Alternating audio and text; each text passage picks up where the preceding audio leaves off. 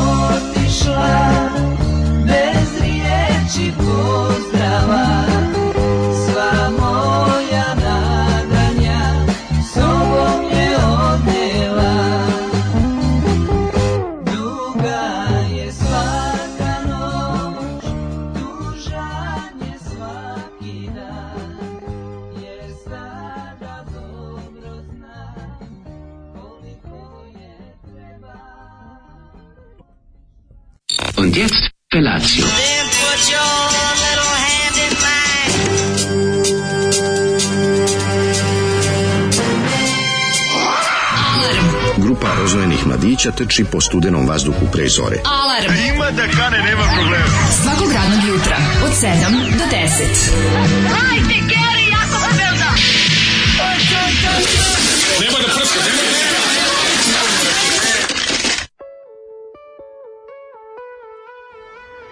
Yeah! 7 sati i 3 minuta. A ova pesma je tužna ko, tužna ko svadba. Znači, ono je baš Jasne. majko, mila. Ima, ima nešto, sećaš li se Doli Bell u ovoj pesmi, jel? Da? ima, da. A, pa recimo, kad bi, kad bi, znaš je bilo, kao kad bi, sećaš li se Doli Bell se dešavalo mm. u Splitu. Da, da, da. da Tako, ima... U nekom predgrađu Splita, kad bi se dešavala, Ove, ovaj, sećaš li se Doli Beli da ti ti isto ti ti si socijalni slučajevi i ta tuga, da. ti neki poludelinkventi da naprave bend u, u predgrađu Splita 70 i recimo 6. 9 je ovo u pitanju, ali ono što da. što meni zanimljivo je tako da poliva na nekog E, hrvatskog Tomu Zdravkovića. Znaš, ono sve je tako. Zato što da- ima da... Pa ne, nego ima sve Ja sam kad sam vidio... Produkcijski je dosta dobro urađeno. E, produkcija je kao da, da je jebote New Wave produkcija. Pa da, pa kao dobra... sranje pesma s dobrom pa produkcijom. Pa da, pa da. Kao druga maca studio Enzo Lesić. Dobro. studio. Ali da je doveo neke ono sirotane koji su jedva preživjeli se. Velika mikseta stigla iz Londona 1978. Oni je na, na, namestili u leta grupa osmih. Velika snimila... mikseta stigla iz Londona, oni nisu dobro spojili šta god da su spojili, ovaj, kako god bubanj je vrlo živ i dopada mi se. Zašto ova pesma traje 15 minuta? To nije tačno pesma, je dva traje 3 minuta, da, ali, ali, je, ovaj, kako se zove, ali je, kod dobre da. pesme da. čovjek misli da, da nema kraja. Da, da. jo, baš obrnuto. Kod, čovjek, kod to je teorija levativiteta. Levativiteta. Kad te izlevate, pa ovaj, uđe unutra i snime ovakvu stvar. Kaže, obio kandidat radio televizije Zagreb za Euroviziju 75. Mm, 79. Pa, moglo bi biti. To je pregrženost vremenom, ovaj, Da, da, da, baš iza svog vremena je, pesma, baš u svakom svakom baš smislu, iza svog da, da, vremena, da, svaka čast. Svaka im čast koji ste vi ne pioniri. Majke, 79. jebote, već imaš kako već London Calling izašao jebote. Pa šta London Calling gledaš šta je kod nas izašlo? Izašlo ona politika poezija, izašlo ono... Pankrti i dva albuma. Pankrti, ono, gola jaja, je, jebem ti kevu, da. puši govno, da. mislim, mnogi bendovi iz Pule i Rijeke su izdavali već. Sa sve tako nekim imenima. Sa svim imenima, da. Ovaj. Pogodite koji smo izmislili, a koji su pravi. Majko, kako me boli grlo, sve ono kaže grebe ko staklo da imamo grlu Jutro sam iskašljao ono komad gume, ono kad sam se probudio. Bel bar žuto bila. Ju, žuto, idemo na, na, na, ono na zeleno. Znači, Dr. Ne. Edker dobila United Colors of Slina. Of Slinaton. Kad sam ga iskašljao, poklopac sam izvedio iz usta. Ono. Na, imam ja neku slinavost. Ali, mi, je, ali mi je u, u, kombina, u, kombinaciji s time mi je zapušen ne može, i malaksalost. Ono. Ne može, to, je, to ide jedno s drugim, ali mogu ti reći, dobar ti je Bajan, malo si se pretrontao za današnji dan, ali ok, jutro će... kako je ladno na jutro, bajsu. Pa dobro, ladno ko na motoru. Ladno ko na bajsu. Pa, da, da, pa kad voziš nevjerojatnom brzinom, ti ne možeš da voziš polako. Pa ti kad sedneš odmah voziš 300 na sat. Ja dođem, ja dođem, za, sivan, ja dođem za minuti 40 sekundi. Tiški Dođem za minut i 40 sekundi. Ti si Tiški Sivan Gavrilović. Znaš, za minut i 40 sekundi dođem u kući. Kakav si ludak, čovjek. kakav si ludak, kakav ne. Kakvog nema. Kaži mi, jesi ja slavio. Guleva, slušaj, jesi slavio u Beogradu pa titulu, brate, stuko neki ženi i decu. Znaš šta sam radio, brate, znači sam sam ono proslavio titulu, ono. Brate, sledeći put ima da zatvorimo ono auto put i, i mlečni put i svemir i celu planetu. I put kojim se ređe ide i put beznađe i sve Tako je, da. znači sve puteve ćemo zatvoriti i Miloša velikog i malog. Dakle nećemo više dozvoliti. I malog i da Miloša velikog da postoji. niko slučajno ne postoji u zvezdinoj pobedi. Znaš ti šta je to? Mm. Znači, ovaj, e, pričat ćemo o tome. To mi je onako još jedan, jedan ja. Da. nizu poraza države, to je jedan mm. znači, nizu ja. Da. pobede države. Kako se uzme, mislim? Pošto je država huliganska, dakle pobede države. Ja, mislim, bilo, mislim, bilo... Nije lepo reći poraz države. Nije, nije pobeda. Ali, su, da. Mislim, trebalo bi realno, mislim, treba, treba da naprave ono, da pokrenu jednu inicijativu da Srbija promeni Treba NDS, ne, navijačka država Srbija. Ne, ne zvezda Srbija. Navijačka država zvezda Srbija. Zvezda Srbija treba NDS, zvezda Srbija. Nešto sam skontao, pošto Zvezda baš nije više, mislim, nije omiljena toliko, to je sada problem, to je taj fuck. Oni, brate, imaju... Pa, nije omiljena, ne, oni su, ne, razumeš me, simbol crvena zvezda, da. to govorim, jer je sad sve kokarda. Sam razmišljao, gledao sam... Je to problem, ne? Gledao sam klince u dvorištu, kad sam juče izveo Feđu, kako se prevrću i rade ono što se zvalo zvezda. Da li se to sad zove kokarda? Da, kad da, napraviš, da. kad deca naprave ono, znaš, ono, onaj premet kad uradiš kao da, da, da. petokraka, to se kad smo mi bili klinici zvalo zvezda. Ja se pokrenim inicijative da se nazove kokarda, jer treba Kokarda je malo teža, znaš, ono mislim Kokardu moraš da napraviš onako. Primeti, imamo imamo moju teoriju da što je ovaj kako kako dolazi do do propasti Ovaj ti si primetio da uz, uz, svo ono istiskivanje jel svega jugoslovenskog i to da. sve Ne može, ove sve stvari koje su izmislili na, nakon Jugoslavije su e, prekomplikovane. Dete nikad neće znati nacrta srpsku zastavu i zato će ovaj to nikad neće nikad neće imati popularno stare zastave. A pa dobro, imaju ba, naučili su po trobojku da napred nije to razlog. Napravili su trobojku ali, bez izbace onaj grb, pa mislim. Da, ali to mislim ja, ja, dobro, ja da, da se ja da se pitam, meni je petokraka bila teška da nacrtam. Ma pa dobro, kad sam bio klinac za zdravu decu s koordinacijom da, ruke. Prva tri, ove, ovaj, kako se zove poteza su bila dobra, i onda međutim oni donji su mi uvek bežali imao problem ti si uvijek crtu hrvatsku zastavu, jer si crveno išlo gore. Nisam, jer si znao da je plavo, ne, belo, crveno. Plavo, plavo, belo, crveno sam, to je moje zastave. Zašto ja srpska zastava nije, to se uvijek pitan, zašto srpska zastava nije ta trobika i samo štit sa 4S? To bi bilo baš lepo. Pa bilo bez doglave kokoške. Jeste, jeste. To bi bilo suštica, četiri na sredini. I lakše bi bilo za nacrt. Pa naravno, čovjek, to može svako nacrtati. A nije se o tome razmišljalo, dale. I da himna bude Vostani Serbije i da kažeš, da. ovo je okej, okay, to ovo nije da. jadno sve ono. Da, da. Znači nije sve onak, nije, nije sve, nije sve ono četnička estetika, nego je ono srpska da, nacionalna, da, lepa. Ne, možeš sad, ne, može, ja, ja ti kažem, pojednostavljivanje bi dobro palo, bar što se tiče ovaj, grba i zastave, jer bi bilo lakše za nacrtati se, te, tebi time deci bilo lakše da ovaj, upiju taj da, niste pokupili ptiči i grip od galeba. Da, nismo. Ovo je smešno ili previše rano, pa meni sve smešno. Ljubili smo se s galebom.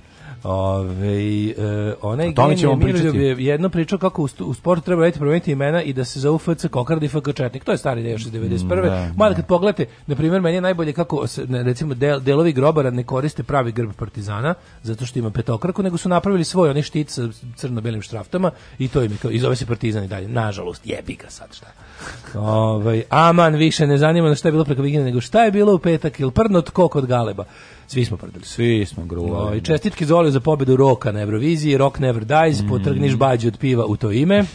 E, Zoli rekao u fuzonu, jako srećan, kaže, ovaj, Zoli i ja smo inače bacili predviđenje da će se posle, mm. ovaj, kad malo labave mere i kad pandemija prođe, da će se rok vratiti. Da, da. I Zoli rekao, upravo ste vidjeli, rok nikad ne umire, ali kao sad ću baš da ne bude, kao da ne bude se valja u pobedi, pustit ću da. neki šlager. A kaži mi šta je sa rolom? Šta je sa rolom? Mislim, e, rok je živ. I role. I, roll I rock i roll, svi zajedno. Okay. Pa zato što ako si primetio band koji je pobedio je totalni Motley Crue, mislim, po izgledu. Jeste, su, su italijani, šta su? Italijani, mrš, mršavci, heroin, luk, kokain, snif, ponovo znači, se vraća vratio taj. se ono the dirt, razumiješ? Da, da, vratio da, se the jest, dirt. Jest, jest. Ono jednostavno kako ti kažem, ono mm, Tommy Lee, Tommy Lee Tommy Lee, Lee Guzi, vaga yes. valjda su svi kurati yes, yes. Bilo bi sramota da nisu. Pa mislim je da jesu i da nisu, ovaj. Sramota bi. Pesma im je kurata, tako da ne, uspeli su. Kurata da, tako no. Da. je, ovaj Um, kaže, dobro jutro, mlađo, što ti nema u Balkan Info sa ekipom državnog posla? Ne znam, nisam ni vi znao da su bili. Tako ove, da, ne, ovaj, pojma, u da svoju obrambo mlađa je ovaj, saradnik na scenariju. Kakav narodnjak, uh, bravo Zoli. Da. Pa onda ovako, kaže... Ovaj, Verovatno, kada čovjek kada je izložen, uh, kako se zove, pritisku 10 godina u jednom trenutku, neko se sablete i poklekne. Verovatno se to tako zove, ne znam. Bijući redom sam, se sećaš? A, šta kažeš? Bijući redom sam. Pa da, da ali verovatno, znaš kada... Pa verovatno mu bilo lepo, pa rekao, ja mu tamo lepo opet. Sigurno bilo lepo. Ljudi dobijaju pozive, pozive, pozive, pozive, pozive, pozive, pozive. Onda kad to traje 10 godina, onda neko kaže jebem ti, ajde i onda se tako zajebe. Šta da vam kažem, to je jednostavno tako nova, život. Nova mini, e, imate novu mini HBO seriju, mhm. doku, mm. dokumentarnu igru, zove se Exterminate All the Brutes o kolonizaciji, rasizmu i genocidu. Mm -hmm. Baš bi volao to da Zašto dale nije komentarisao Euroviziju na Twitteru? Zašto me zabole dupe za Euroviziju? Znači, ljudi, to je stvar koja me stvarno mm. nikad nije zanimala i nemam, nemam u sebi... A što me nervira? Nervira me to što sad jako tripuju ljudi kao što kao kao što mi kao nemamo bolju pesmu za Eurovision. mi imamo baš pravu eurovizijsku pesmu. pesmu. I što šta hoćete? Ono što ja sa svojim skromnim znanjem i interesovanjem Eurovizije zaključujem je da pobedila je nevrovizijska pesma. Pa da, ali to je zato dođe, svaki, to je zato svaki 10 godina. 10 godina se to pa da. Ali devet puta da pobeđuje generički sranje pa da, pesme. Pa da, jednom će pobediti muško žena, a jednom će pobediti I to tri da devojke, da jednom će pobediti pa, da, grupa riba. Pa parada, da, pa, okay, parada pijanstva i kiča i poznata cura u gole Pa ne, sve je jasno u redu. Jedino Austrija nikad neće pobediti. U stvari pobedila je, lažem ja, vidiš. Čak i Austrija. Čak i Austrija pobedila. Tako da, u redu je skroz, nemojte... Ali meni su carovi Britanci. Britanci nikad ništa ne urede. Jako mnogo očekujete od... Prvo me nerviraju ljudi koji mnogo očekuju od Euroviziji, drugo, ne vjerujem, to je snobovski moment kad sam vidio ovaj zapravo ovaj predlog od olje ono što kako je bilo kao evo šta mi imamo kao i ono što kao čekić stani a to je bilo prije. tako ja nisam to tako skontao pa ja mislim da to bilo kao pa kao, eto evo kao umesto da pošaljemo pa, mlade iz Knez Mihajlove šta je ono šta vi da hoćete da pošaljemo da. mlade koji sviraju gudački orkestar u Knez Mihajlova i nemaju i nemaju muzičku školu da koga plafon, ćete, koga plafon ćete, u pa- muzičkoj školi umesto da. da. pošaljemo tu kulturu i neki lep šta hoćete onaj kako Kosovo da pevaju šta šta ne razumem šta mi da ili pošaljemo bedu pa nam se smeju ili ili bar lepo baš lepo izdrkali na nas Ma bre, trim, ono. Bar lepo cijela Evropa izdrkala na nas, stavila nas na 15. mesto i bilo nam je lepo. Pa da. Pa da. mislim, da. i loženje je prošlo, mislim, kao i, kao i u sportu, radujem se svakom neuspehu Srbije na međunarodnom Pa stvar je socko, dok mi zasluži. Naš, ono, ali je stvar evrovizična, klasična. Teška evrovizija, ono, teška evrovizija. Pesme, nastup, sve je teška evrovizija. Pa da. A to su siroti ljudi koji misle da evrovizija nekako kao... Ne, mi smo opterećeni slanjem slike u svet, znaš. Da, mislim, da, to je da, to je da. palanka. To je problem palanke. To je pa- jeste, pa, stil kao da. najviše načelo palanke, što bi mhm. rekao Konstantinović. Mm, I onda jednostavno ono kao oni misle, ljudi misle da je Eurovizija nekakav kao bijenal u Veneciji, da je to ono kao treba pokazati ne znam kakav krem naše ono muzičke muzičkog izražaja i našeg ono umetnosti kao takve. Međutim ne naravno, za zaboga. A i zemlje koje se pale na Euroviziju su siromašne zemlje. Da, znači da. ono kao um, ove sve jedan primer eksperimentiraju Skandinavija već godinama šalje neku zebanciju da se zezaju ono. Da oni se to jako dugo zezaju, mislim pa i to je fazon. Šalju metal, to, to šalju neki kabare, šalju nešto. Imaš usik da kontuju da to trash. Bo, pa, I da naravno da kontuju trash pa, ja. to je ono gej zabava, razumeš, ono, ali pa ono namjerno trash camp, razumeš. Pa, ja. Jedino mi siroti mislimo da, oni mi, recimo, mi mislimo, Mislim, to i Hrvatska nije ništa bolje. Oni što, što pa, Balkan, ti video kad, je, kad su premijeri i predsjednik rekli, izašli bukvalno kod da je, kod da je pogodio ono meteoru u Zagrebu. Ono. Nažalost, nismo uspeli da se plasiramo dalje. Ono u pičkom je dan žalosti bio da, da, da, da, Mislim, to je tako, ali to se vidi ko je sirotilja, razumiješ? Da, to je tačno, to je super podala. Znači, bogate zemlje se ne lože, čak i kad pobede se ne lože na Euroviziju. Mislim, desi se tako. Dobro jutro. Dobro jutro.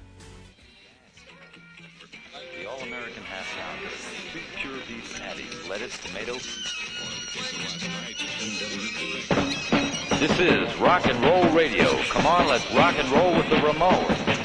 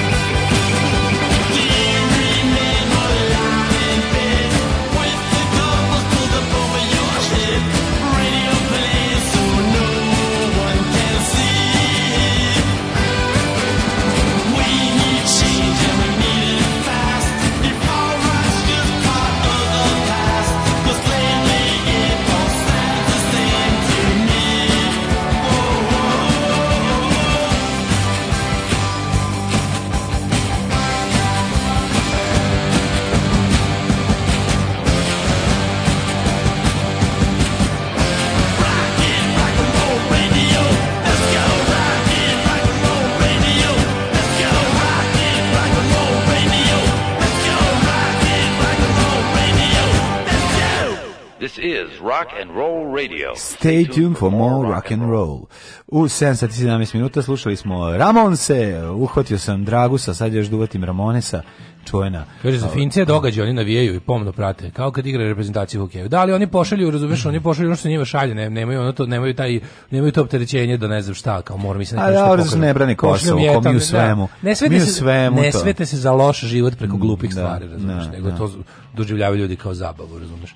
I to je onako, nemaju, nemaju, nemaju kome šta da objašnjavaju, nemaju, ne moraju da širi istinu o finskom narodu, ne. ne. smatraju da im je bilo šta zakinuto, nego jednostavno tako, ono, super. Ali oni su baš, Finci su baš primjer nekako pošalje ono šta se njima šalje. I, znači, i, i, i kad pošalju šta im se šalje, kad ih najviše boli dupe, onda i pobede. Pa uvijek je to tako. To je super, ono. Ne.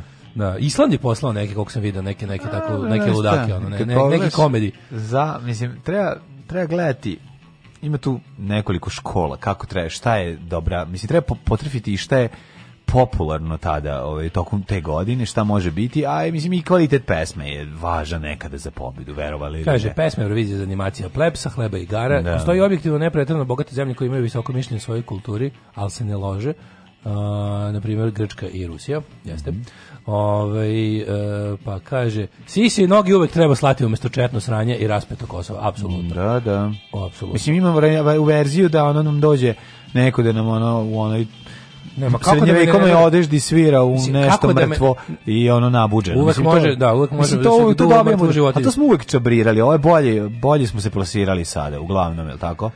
nego kad nam dođe. 15. Pa isto, da, mislim, baš kako, kad su, mi smo pobedili, mi smo, bilo onih par godina kad, se, ono, kad su dijaspore glasale, tu su morali, tu, i onda su shvatili da će uvijek pobeđivati ili Turci, ili Rusi, ili Srbi, mislim, pa. Pa ili će, zavisi od raspoloženja, ali ono kao zna mm, se, da. zna se u kojoj zemlji najviše, iz koje zemlje ljudi najviše pobeglo pa onda ovaj da, da, da. pa onda se igraju nacionalizma preko Pa najviše zaboravio kako je živeo. Pa da. da, da. Eurovizija ti je ko mrtav džej na Twitteru. Ako gledaš seljak, ako ne gledaš onda si elitista.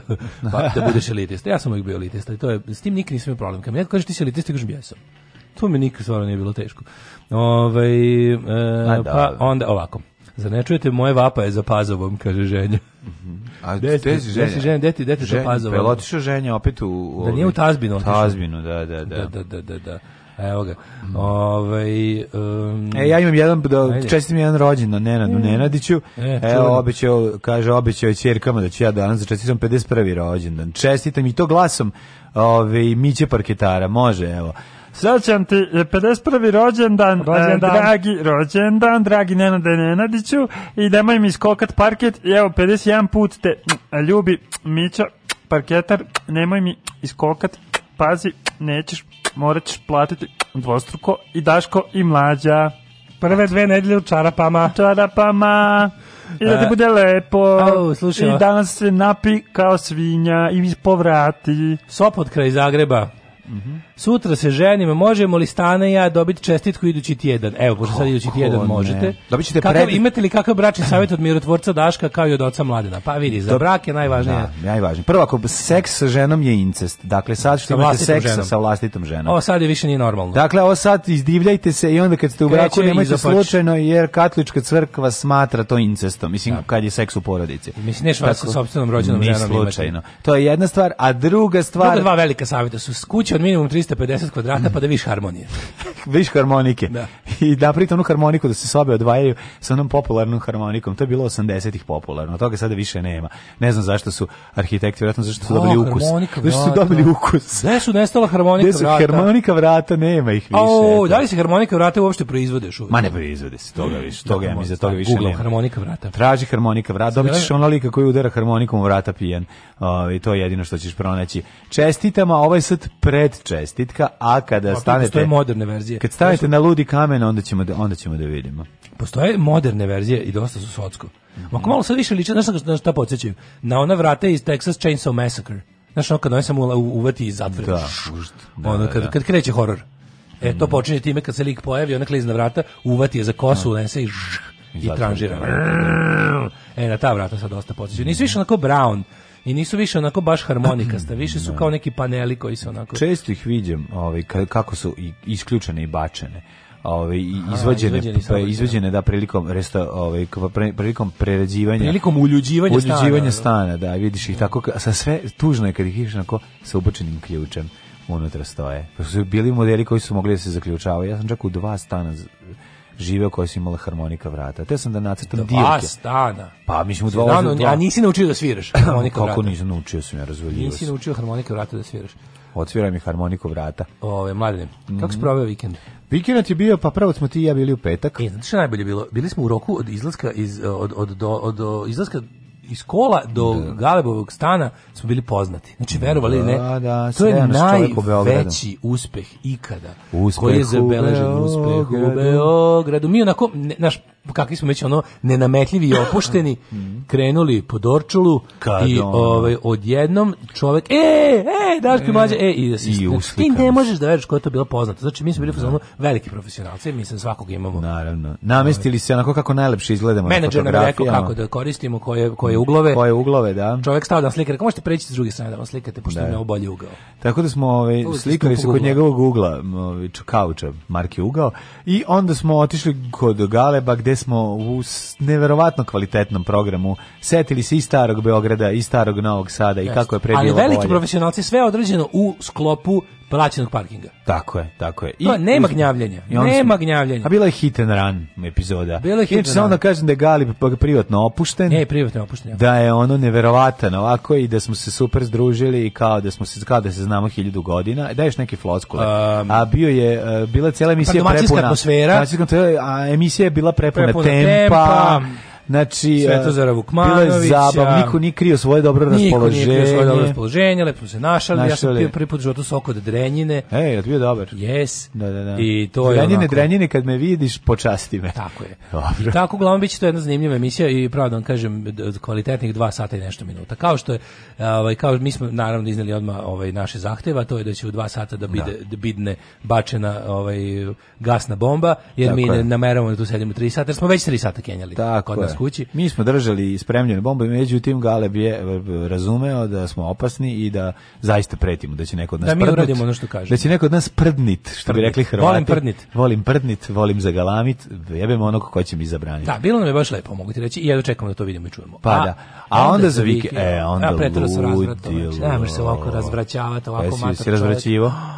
Majko Mila, to je mhm. mnogo, mm. mislim, pa i roštilj palio, pa i da. bavio se ovim onim, ti ne možeš da... Je bio ses. Ne mi veruješ da sam opalio. Ako je bio ses. Pa ko pali roštilj bez sesa? A vidim, da ti, a vidim da ti glas otišao, verovatno si ono što bi rekli pokvarenjaci, je bio hladan penis u pitanju? No, ovaj, najgore, najgore mi kad jako dugačak, čokoladni, hladan Kad neko ga oladi, onako pa kad mi ga spusti u dušnik. to je najpokvarenija matoročka pa kao pa si se prehladio da pa si pušio hladan kurac. Znači, to, da, pa to, to kažu, to su najodvratniji, ali ne možeš Najbolji. da se ne nasmeješ.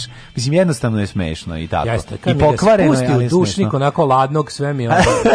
ja i curi nos, grlo me boli, odro me. A dobro, šta ima veze, mislim, ja, jednostavno, bilo je zabavno bukom palio sam roštilj, ne, znaš na čemu sam palio roštilj, kad sam skontao, nemam drva mhm. više nikakvih u dvorištu, sam zapalio, znaš neke gluposti što ti stoje, uvek u dvorištu imaš neko trulo, drvo, nešto Znači stoji. smrdelo je nešto. Ne, dobro je bilo. Verovatno. Šta da- si drvo neko našao? Da, a, noge od stola sam zapalio. Au, joj, ali, ne, ali imao sam čumur. Je, je puno drva? Ne, ne, puno drva, da, puno drva. I onda kad je to izgorelo, sam lepo na to stavio čumur. Nemoj, nemoj kad vidim da pa neko blažu i kopeče. Ne, ne, ne, bilo super, bilo je skroz lepo. Ispekao sam. I onda su posle samo samo kako sam na te posle naslagao ćumrz bilo dobro za ispeći kobajsce. Pa ste smrli na lepak e, kobajsce. Ne, ne, ne, bilo je baš sve fino. A a peklo se na starom nameštaju uglavnom.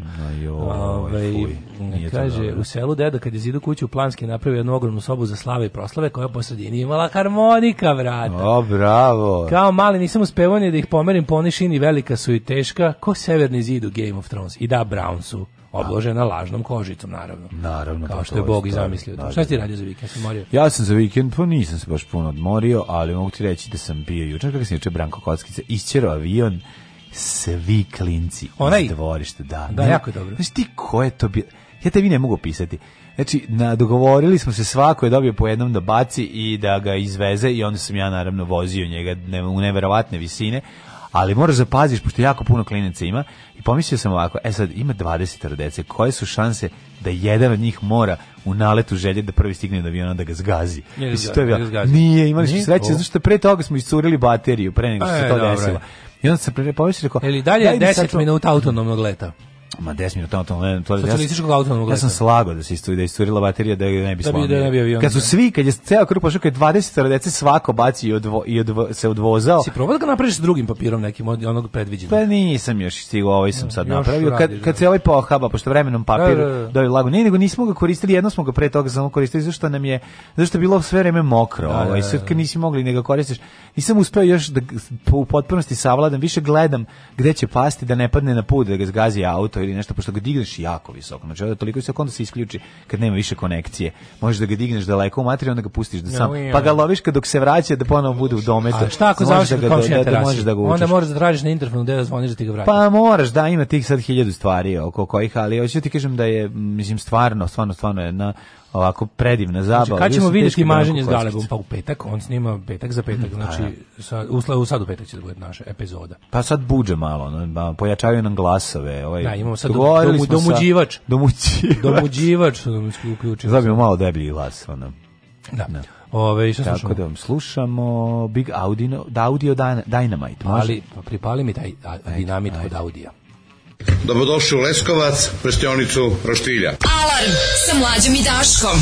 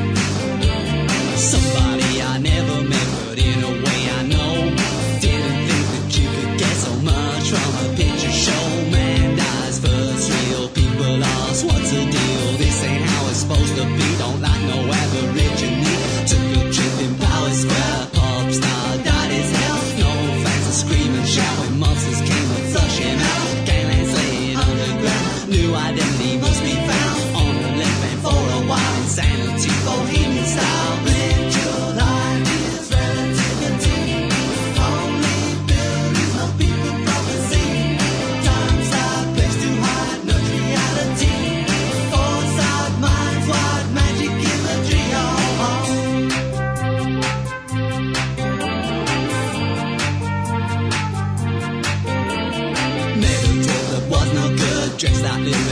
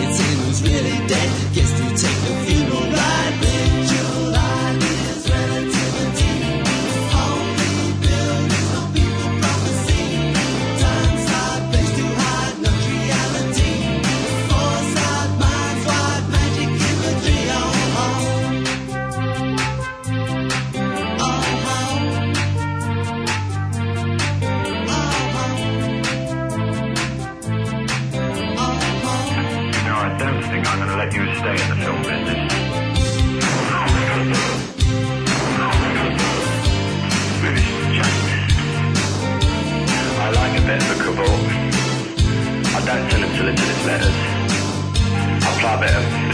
Pressure. Space guy fell from the sky. Scratch my head and wonder why.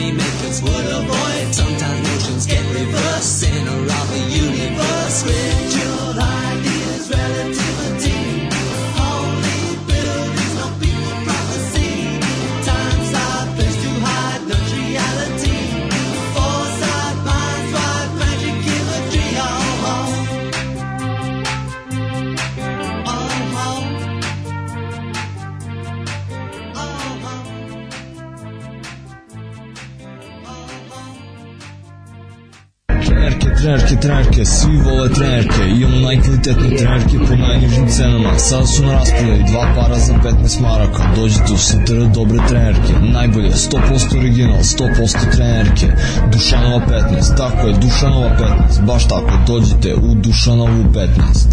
Ženski boli po muškarcima kvalitetne trenerke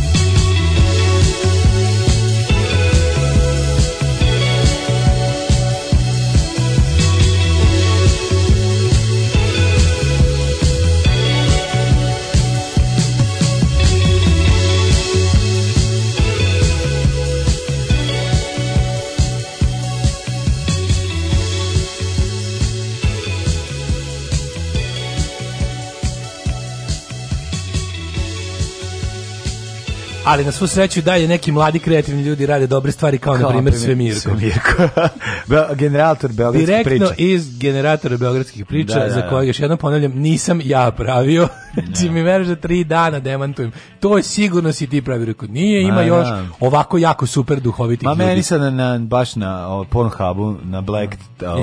Comp, stalno me pita da sam, ja ne vidim ja se lice. Nisam ja, čovječ. Nisam, da, razumem. Moje već. Podseća, ali, mislim, ali ne vredijem sam, ljudi se napravili krenuli pa krenuli. Ne, da mislim, katastrofa. Ove, ovaj, e, danas je Evropski dan parkova, čisto da znaš. E, danas je Park and Recreation. Danas je Evropski dan parkova. Eto, da, budite danas malo u parku. Budite danas mm. sat vremena u parku. Obeležite Evropski dan parkova. Predivno je u parku. U parku je veliko divno, mi smo bili za vikend To je prosto neverovatno. Predlažem vam Kamenički. Znaš ti koliko dobar Kamenički? Sredili smo posle... Pa bio sam nešto smo e, snimali pre. Aj, vodi klinci u Kamenički. 2-3 godine. Vodi klinci u Kamenički danas popodne biće lep dan. Noćemo. Uh, e, ovaj i to je to je bukvalno da ih pustiš da se razmile ono. Kamenički. Znači imaš ogromna dva ogromne dve livadetine, na centralne da se penje na kipove mm. i ona mm. pored. Kaže, toliko dobro da, da možeš puštati zmaja, toliko je mesta. Može, može, odličan kamenički park dobar. Idemo u prošlost. Uh izvinjam se. Darko kaže, imaš pored sebe kao svetsku megazvezdu naš. Ma kakva megazvezdu kao Maraja Carey? Ja se okrenuo još onom stvarno žena sedi tu. Ma kakva Maraja Carey, čoveče, daj hleba ako ima. Kakva Maraja Carey, ja gladan kao pas. Alarm svakog radnog jutra od 7 do 10. Od 7 do 10.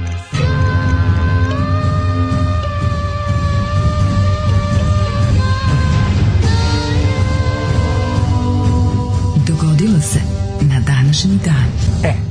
malo smo razbili rutinu što bi se reklo. I to je našu, važno, i to je važno, malo ljudi. Ovu našu bračnu rutinu i to je savet um, pogotovo sa hlebom mladim sopoćanima koji se koji stupaju u brak ovog ne. Da. tjedna, ovaj e, morate razbijeti bračnu rutinu tako, tako što ćete da. povremeno Ček, ovaj, nisu još ni ste upali u bračnu rutinu. Kako nisu? To kad gde su upali nisu se ni uzeli. pa nije li ljudi se dugo gnjave pre braka, već Ma bračna kakvi rutina. nije, to je sad bam bam thank you ma'am, to je hamo pi postala ekipa, pa nema ljudi više. Ljudi već upadnu u bračnu rutinu kad stupaju. Mladi ljudi sve žive brzo i hrane se loše. Stvarno? To je sve drugačije. Onda ne znam, izvinjavam pa se. Ja sam da. mislio da ljudi već kad im je dosta pa stupio brak. Ne, šta ti misliš da ugovoreni brak, ona kad su imali Pa nije ugovoreni, pa dug previše smo dugo zajedno, moramo sad da se venčamo. Nije, nije to, to, ne postoji pre. Pa nije sad više ništa, to da si venčan ili nisi venčan, više. Pogotovo ako to dugo jako traje, pa matorci ne gnjave, onda ne moraš ni da se uzmeš. Možda im trebaju neki papiri. To je uglavnom radi zbog matora. Možda im trebaju neki papiri. Pa mislim da sve sad ravnopravno. Jedino mm. mislim da to sad više nema nikakve veze. Ranije zajedno, nešto zajedno, ranije nešto moralo zajedno da mora majka pisati nešto dozvolu. Da, da. Zajedno su podneli papire zirsko. Sada, Zajedno su podneli papire zirskom lupom. A da, mislim da su zato što Hrvati često odlaze u Irsku. da, to ti je, to ti je, to ti je njima Njemačka. Mm, znam. A i Njemačka njima Njemačka, ne znam da li znaš. Znam, čovjek. 1626.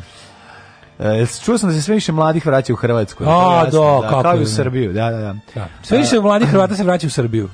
E, Verovatno. 144. dan godine, do kraja godine na 221 dan, gde ćeš za? Najluđu noć. Za najluđu noć, pa mogu bi recimo što da ne, mogu bi u Irsku da odim, što ne bi otišao recimo, Zašto, mogu da idem u Derry, u London Derry. London. Tamo je opasno. Tamo je skupo Derry. Tamo deru. Tamo deru. Tamo dođeš kaže, koliko, i deru. Kaže, kako, Kafa 20 evra, deru. Kad pitaju koliko, gospodine, za koliko biste kupili ovaj, recimo, predivni viski? Ja kažem deri. I oni mi naplati puno. Dobro. 1626. počinje moja historija, verovali ne. Može. Nemaš ništa pre, jel da? Imam 1689. A, ovo je nizozemski kolonijalist Peter Minuit kupio Manhattan od indijanaca za nešto što bi se danas smatralo 24 dolara. Na, to je glupost totalno, stalno govorimo priču o tome, jako nas to nervira. A da, da ali to je Zato jedna To je predstava, kupio. belačka predstava u kojoj bi trebalo da, da, da Nisu oni... indijanci ispadnu glupi i Pa da, ispred, ispred da on njima dao 24 dolara, oni se sklonili. Nije, nego su ih ono dao 24 dolara za neku glupost, a vojska ih je sklonila, mislim. Ne, Nasilno. On je prvo, prvo i prvo, koncept privatne svojine nije poznat indijancima, tako da Ko, ne, tog koncept tipa... privatne svojine jeste, to je lične pri, svojine, li, lične, da, ali nisu zemljište, zemljište. Da, vlasništvo nad, nad zemljištem, zemljištem im nije bilo poznato. Mislim, što šteta što nije ostalo. Jer bukvalno u sledećoj ono sledećoj inkarnaciji vlasništvo nad zemljištem treba ukinuti. Ono. Mm, Možda imaš ono otprilike stambeni prostor i to je to, a ovo iživljavanje mm, da. Znaš, ono kao tipa do koliko ima beskućnika na svetu neko posjeduje ono milione hektara. Da. 1689. 1689. Sa, u Beogradu slavljeno 300 godina Kosovske bitke. Šalim se. A za to vreme u Engleskoj? Stupio na snagu u Engleskoj akt o toleranciji kojim je pod izvesnim uslovima garantovana sloboda ispovedenja vere, ali e, su katolici namerno izostavljeni. To je, to je e, tolerant da. sekta za non su mm oni mhm. koji, kojima se kao ne možeš da budeš baš formalno član Church of England, ali ne možeš da budeš katolik, jebi ga, još uvek sveže. Tek smo se ne, ne, nedavno, e, ne, relativno, se. relativno skoro smo se razdružili, pa ne može još uvek, ali posle je to sređeno da. u 19. veku, 1822. Trupe pod komandom Antonija Josea de Sucrea potukle Špance u bitki kod Pičinče. Pičinće. Pičince, ovdje piše pičinča. Kod pečence. Kod pečence. Ekvador postoji. E, znamo ne nešto o tome? Pa- apsolutno ništa, ja Ja bih rekao nekoliko reči o Antonio Jose de Sucreu. Evo, ako bio je general, Šukeru. političar, veliki maršal Ajakuča i jedan od najvažnijih boraca za nezavisnost Latinske Amerike. Od svoje 15. godine rukovao je oružanjem, rano stiče i vojna znanja potrebna, nemam dalje mora da se klikne da bi se dalje otvorilo. Nema ali eto, malo, meni, meni je to već da bilo dosta, steknem dosta lepu sliku. Sa 15 sam prvi put iz Kubure pucao. prvi put iz Kubure pucao, ja, da, pobegao od kuće, pa je zapalio, jer tad, bio tad sam Antoni Kose. Pa, pa da, on je bio, pa bio ne, a pošto je poteku Špance, ovo je bilo nez, ovo je borba za nezavisnu oni, Latinsku to, to To su oni likovi što odu negde, pa budu malo tamo, pa kaže mi ne moramo više da budemo ono staro, šta više nećemo da budemo ono staro i nema veze, mislim, te pokret za pokret za nezavisnost svih tih ono nisu poveli indigenous people nego kolonisti. Pa ne, mora da znači neki pa, da uglavnom, neki. Ne, ne. pogledaj Ameriku, Severnu i Južnu, pa nisu nisu ono Azteci poveli posle pet vekova pa, ono borbu, to, nego isto Španci, mislim, isto ljudi koji su dobro Meksikanci, imali su Španci, ali dobro mešavine pa jedan. Da kažem, ali kod, to uglavnom jesu bili potomci kolonizatora ti koji su a, pa htjeli da prekinu da, veze da. sa da budu svoj na svome. Rekli su mi više odavno nismo, jebi ga ne možete upravljati nama iz Madrida. A male glupo da ti Habsburg šalju, pa, to, vladara, mislim, to je to. tebe. A naravno znam da to uglavnom ovi indigenous people prihvate tu borbu za... 1844 može? Može. Pronalazač telegrafa Morze je poslao prvu telegrafsku poruku na udaljenost 65 km iz Vašingtona u Baltimore. What, what did God just do? Šta je to Bog uradio? A to je bilo, šta je uradio Bog? Šta je to Bog uradio? Koji ko, je kralj, koji car, koji prorok? prvok, Šta je bilo? Gde, odakle ste me čuli? Odakle ste me čuli? Odakle sam razumen? Odakle sam čak razumen? Da, da. Znači, 1883. Brooklyn Bridge otvoren, to je ono što smo naučili da nije isto Manhattan i Brooklyn Bridge, da, da. s teškom mukom i okoliče. Otvoren je Brooklynski most koji je povezivao Manhattan s Brooklynom u Njujorku. Da, prešao sam ga peške. E, Čoveče, znači, ja, ja i mosti, rekao Ja ga uvek ću Oprosti, rado reći, uvek ga najviše moste, volim. ali ja sam morao, morao preko. Goste. Ja sam morao preko. u filmu Zombie, Lucija Fulčija, poznati kao Zombie ja. 2, nisu imali para da isključe sa tome najsmešnija scena kad prikazuju kako zombi preplavljuju Njujork, a nisu imali para da nisu imali love da plate isključenje saobraćaja bar na 5 minuta da snime pa to kako treba. Ide. Pa zombi idu u apokalipsu, a dole se normalno odbija saobraćaj u kadru. Dobro, šta da to je najsmešniji prozi gradski saobraćaj. To je paralelni univerzum. E, jebik. Uh, 1899. je otvorena prva javna garaža u SAD. Mm -hmm. Da li si ti juče video kretene iz Đilasove partije? Ono je bilo tužno za gledanje. Znači, Đilasova partija jučer e, imala Oni imaju tako te povremeno internetske akcije gde oni kao izlađu nešto na teren da pomognu, na, da prikažu nešto. Juče su apsolutno prevazišli sebe u gluposti. Svi prevazišli su Vesića u gluposti, što je jako teško. Šta je? A i vidjelo se da su to nekadašnji stari saborci. Ove, ovaj, kao, danas ćemo ostavnicima vračara koji nemaju parking pokazati... Pesmom. Matori, znači oni su išli i, pazi, ono, kako su, kako su išli da reše? Vidi brate, ne može. Ne, još gore. Ne, ne, ne, ne, još gore. Išli su i kao poneli su kredu i kao pogledajte koliko još na Vračaru ima gde bi se sve moglo parkirati kola, a ljudi nisu još iscrtali parking mesta. I oni su to ladno uradili. No, kao, pogledajte ovde, vidi, savršen trotoar stoji bez veze za glupe pešake, umesto umjesto neko natakari auto. Pa onda, vidite, onaj travnjak ničemu ne služi. To zabetonirati i staviti gore. Vidi ono, vidi drvo. Drvo s korenom zauzima za jedan SUV mesto. Da. Kad se da sto počupa, pa milina čoveče. Znači, ne možeš da veriš, veruješ. bila u fazonu kao... Ako iko, kri, da, da, li postoji kritika koja... Ako postoji kritika koja nikad nije upućena Vesiću i na prednjačkoj gradskoj vlasti, a to je Premalo ste uradili za automobile u Beogradu. Da, da, ne, ba, da, mislim, pa se setio javne garaže. Betonira i više, da, da. da. Setio da. se toga i pomislio sam kao mogu, znači šta su oni smislili? Kao tipa mi ćemo da na, na, na, na, naprednjačimo naprednjake u betoniranju i, i parkingovanju. Da. A ovi bi parking stavili otprilike ono u jaslice bi ga stavili, ono u bazen bi ga stavili. 1926. otvorena univerzitetska biblioteka u Beogradu, prva zgrada u Srbiji napravljena namenski za biblioteku, izgrađena uz pomoć Karnegijeve zadužbine, mm -hmm. nazvana univerzitetska biblioteka Svetozar Marković do, naziv dobila za Dobro, 46. 48. Najbolje, 46, najbolje da, da, da Carnegie novcem, Carnegie je bio ono najgori da. kapit, Carnegie je bio jedan od onih likova koji su pod stare dane ovaj, otkrili da su filantropi, ali su pre toga poubijali ono hiljade štrajkača koji su se bunili za bolje radne uslove, to je za njih je to, za njih je to odradilo They had it coming. They had it coming. I onda kad je posle slomio ono sindikat, napravio šta je hteo, onda se setio da je veliki filantrop i po svetu je ovaj tako davao pare za razne stvari, on mislim teško da bi ovaj da bi Carnegieva fondacija dala pare za nešto što bi se nazvalo socijalisti. Socijalisti, da. No. 1941. Bismark. Da, da, da, ovaj, Bismarck potopio, trošio ženku. Da, u to vrijeme je trošio krstaš Huda. Mm -hmm. ovaj, to je krstarica Hud britanska, on je potopio 1422. Da, tri, tri mornara 1422. Znaš da si taj lik? Majko, da. Znaš da si taj tri mornara? to nešto posle nikada da dođeš sebi. Ne, ne bude ti loše što si ti kriviš sebe što si preživeo a potajno, a potajno govoriš yes. Pa naravno. 56. je održano prvo natjecanje za pjesmu Eurovizije. Mm -hmm. Grand Prix Eurovision de la chanson européenne 1956. Ko je pobedio? Pobedio je, verovatno, nemam pojma. Najlepši su, naši najbolje pesme su slate 60. godina. To je bilo pa super. Dobro, mislim. A Rock Me Baby ti nije dobar iz 80. 89. ja mislim da je Rock Me Baby. 89. Da. No. Da. 64. U tuči na mm. futbolskoj utakmici u predstavnici Peru Limi, izazvane odlukom sudije da poništi gol, poginulo 300 ljudi. Pa ti sad poništa. To su da. nedostižni uzori našim navijačima, ali ja mm. mislim da ako budu nastavili ovako vredno da rade, do duše možda neće uspeti na Naši stadionu. se tu kuka da osveti. Do duše možda neće uspeti na no. Da. stadionu da ubiju 300 ljudi, ali što ne bi ubijali i van stadiona. Po kafićima. Ubijajte po gradu. Tokom studijskih demonstracija u Francuskoj predsjednik Charles de Gaulle predložio referendum, pomenjeni studenti zapalili, zapalili parisku, parisku berzu. Uvek je da. dobro zapaliti berzu. To su, e, ove, ovaj, to su 68 aške ove, kako se zove, godine i, da. i, i demonstracije. Da.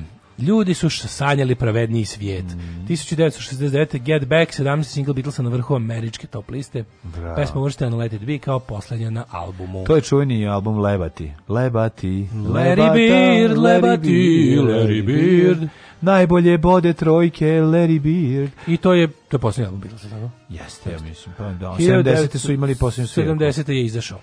70 su da. imali da. poslednju svirku. Ja bih voleo da su ja Beatlesi, ja bih voleo da su Beatlesi. Ja to ne mogu uopšte da obradim u svoj. Voleo bih da su Beatlesi doživeli punk, pa da. kako bi zvučali, ali za to uvek ima ona pesma od Imperial State Electric, mm. ona njihova stvar koja se zove uh, ovo bože, I Will Let You Down, to meni, meni zvuči kao Beatlesi koji su doživjeli punk. Pa jeste, jeste. jeste. 1970. na polu ostrvu Kola počelo bušenje kolske super duboke bušotine. Mm, koja je skrajna da bilo 12.000, 12.262. Najdublja ruk, rukom ljudskom izbušena ovaj, rupa. Tačka na zemlji. Na zemlji. Kaže mi, ko je, šta je na 12.000? Da. Su stigli do prosvetnih radnika i rudara? E, prošli su ih odavno. Prošli su, a? Stigli su da... Ovaj, došli su do Arni Saknusema. 12 km. 12 km pod zemljom. Da. I još tek su još uvijek su bili u ovaj u prvom sloju litosfere. Nisu došli do Pa nisu došli ni, ni, ni, do, ni do čega tečnog. Znači, koliko je? Hm, znači koliko je pa znači koliko je prečnik zemlje? Koliko je? pa ono, prečnik zemlje je jedno, jebujem li ga koliko je prečnik zemlje, ako je obim 48.000... Kako misliš obim, pa zemlje, obim zemlje ravna ploče? A, dobro, dobro. To je tanko, da se Obim te ploče imaju i obim. Kako je 12 km, nije zemlja toliko debela. I kvadrat ima obim. Pa nije ploča, ta, nije ploča tako debela. Da, debela da. da. Brušili su drugu stranu zemljene ploče i ispali su 5G vakcine. A ne pojaviš koliko je, koliko je prečnik zemlje, moram da vidim. Pa 1981. ali je više od 12 kilometara. Pa naravno, mislim. 1981. predsjednik Ekvadora Jaime Roldos Aguilera i sedam ljudi poginulo kad je u avionu eksplodirala podmetnuta bomba.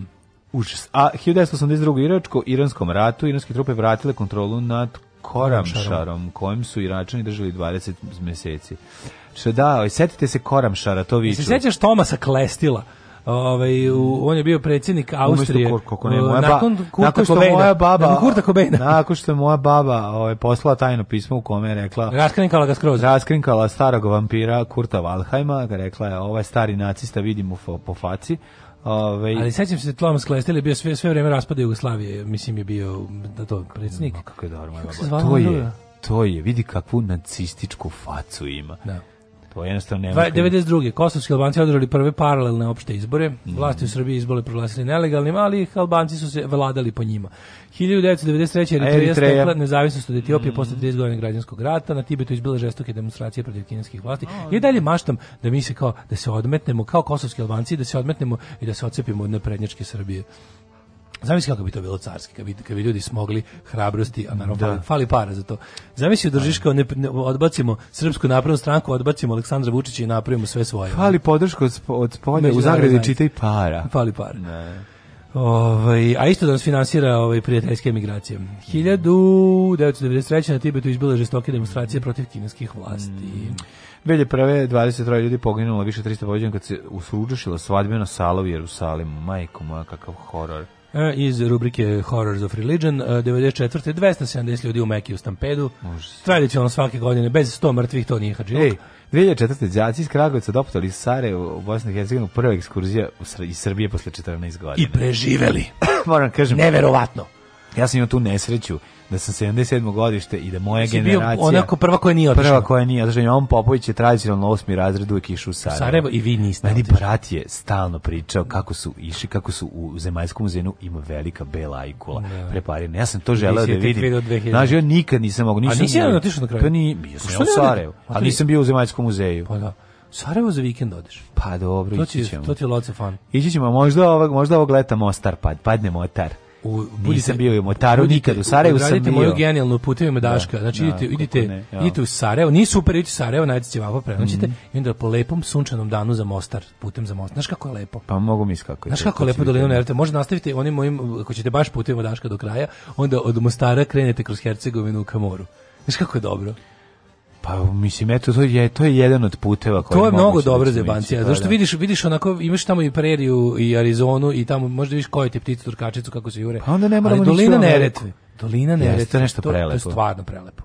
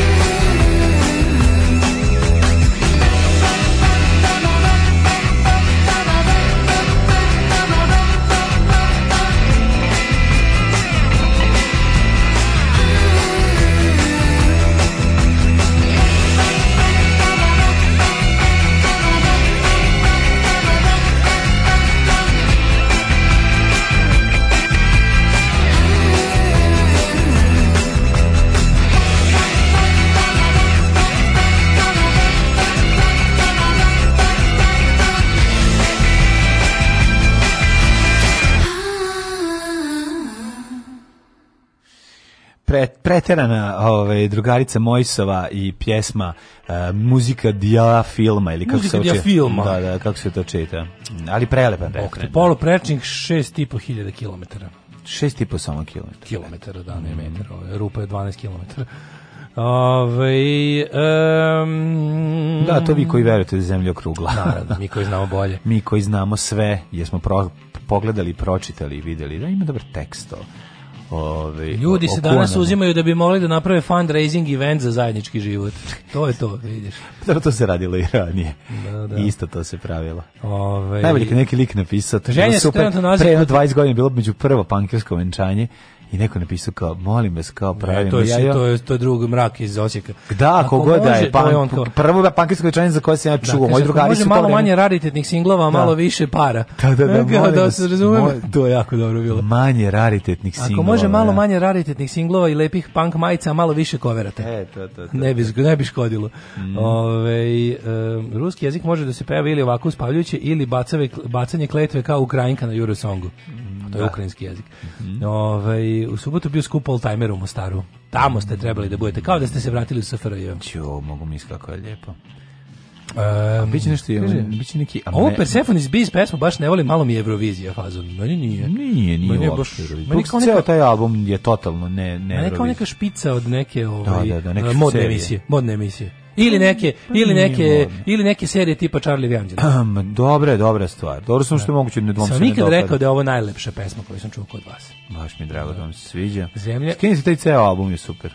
Zemlja ima prečnik od 6.500 km. Pa čekaj, mm. pa prečnik ili poluprečnik od 6.500 km omotač debljine 40 km. Projekat kola rupe je zaustavljen zbog nedostatka sredstava, naravno, a temperatura na dnu rupe bila 180 stepeni.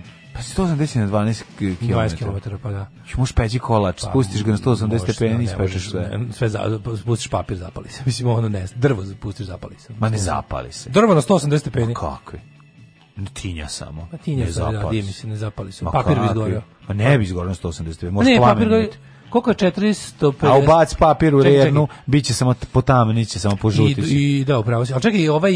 Um, Kad se stvori plamen, koliko je potrebno? Koliko je 451 Fahrenheita u, u, pošto na toj temperaturi gori papir? Aha, aha. 451 Fahrenheit je... Pa, vero, ne znam. A? Ne znam, ukucina, ajde na telefonu. 451 Fahrenheit 2 Celsius. Papir gori na papir gori na 230. Pa eto. Da, mora više. Mora više. Ove, ovaj, um, ajmo da vidimo mlaljene, moje rosno cveće. Kome da Ali pitanje da... je pojavljivanje plamena ili, tin, ili da će samo da istinja onako da postane ona doći. Ako da staviš na, na vrelinu, od dve, mislim, da ako staviš na vrelinu 230 stepeni planuće. Ha, ne mora da znači. A mora da znači. Mora, dobro. Temperatura dobro. paljenja je to, razumiješ, pa- okay. paljenje papira. Okay, 1544. Okay. William Gilbert, engleski lekar i fizičar. Mm -hmm. uh, 1686. Gabriel da Fahrenheit. E, sad smo ga pominjali. Nemački fizičar i pronalazač. Pa sad smo ga pominjali, kako dobro. Konstruktor prvog termometra sa živom da. je zapravo Jedan od tri skale koje se u svetu koriste yes. za temperaturu, Celzijusova, Kelvinova i Fahrenheitova. Tako 1693. Ja sam inače, mam, ja obožavam Celzijusa najviše, Naravno. ali dobro. Mislim, A zato su lepa, zato su lepa dekadna.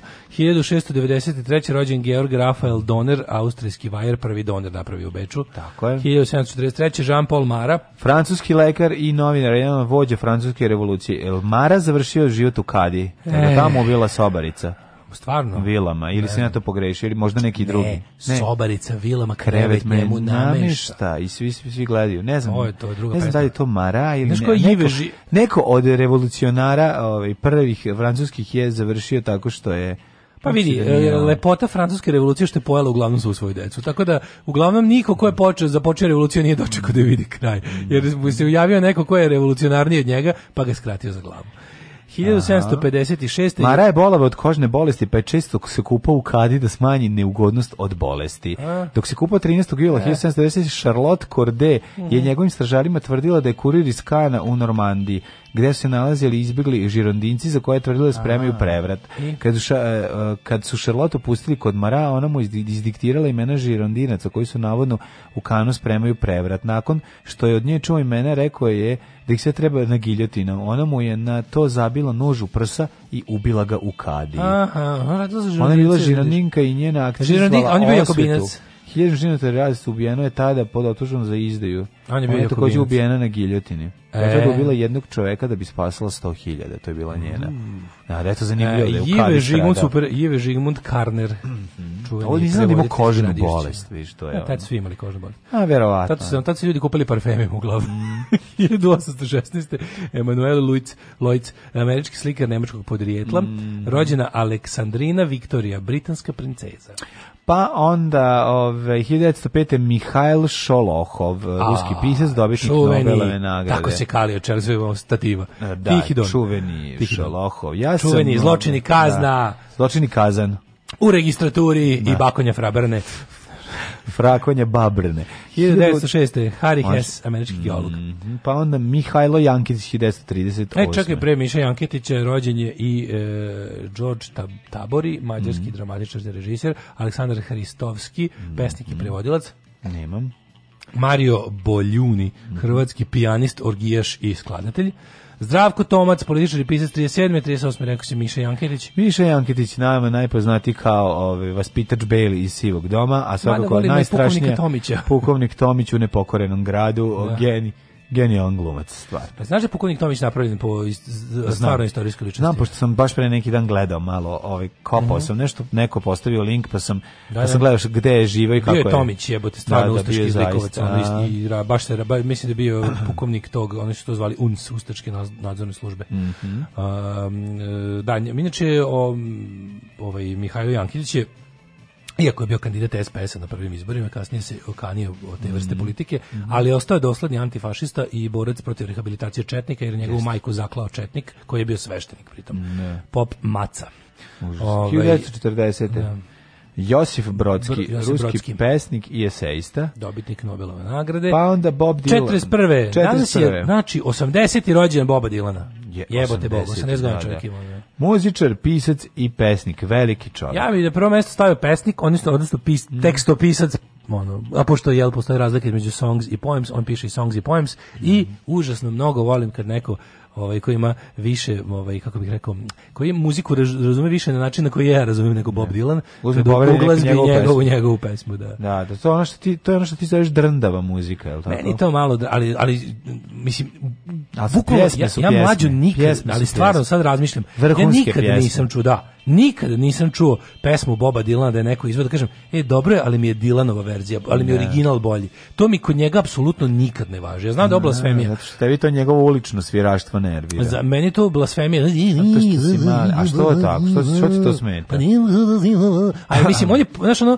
On mi je kao, pošto on pokrao Budija Gatrija, mislim da kaže ajde pokrao, a, recimo. Pokrao, a mislim pokrao, u nekim, u nekim instancama ga je baš pokrao. A nije I jednostavno rekao u fazonu, samo ću izbaciti komunizam iz ove jednačine i bit ću popularniji Budija Gatrija. Znači jednostavno neću biti radikalan kao on i sa tom istom vrstom pesme ću uraditi mnogo više. A da, nemaš mu neosporen neospor, je talent.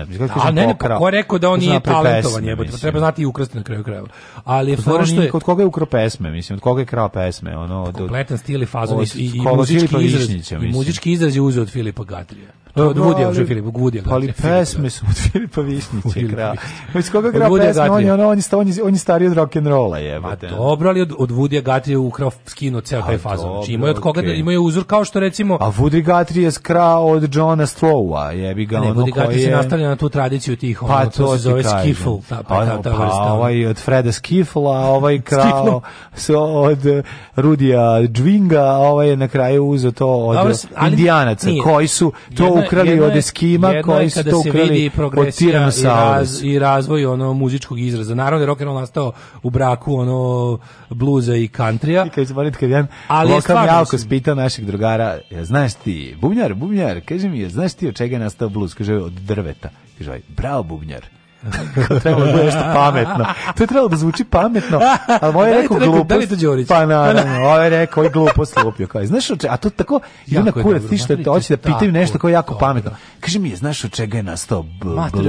Ili rockio. Da, da od čega je nastao blues, od drveta. Ali najbolje od svega što ja znam autore, poznajemo autore da. izjave, pa znamo da nije uopšte ima nikakve visoko intelektualne pretenzije. Samo samo da ga otrese, da mu kaže glupost. Samo je ima i pobedio. A to isti čovjek koji je rekao kad su kad ovaj, su snimali demo, pa ih je ovaj, tonac steo da im kaže kao, ako imate kod kuće kompjuter, možete kao malo srediti, ovaj, kao ovaj u sam forđu, imate ovaj kompjuter, rekao, nema, ali imam televizor.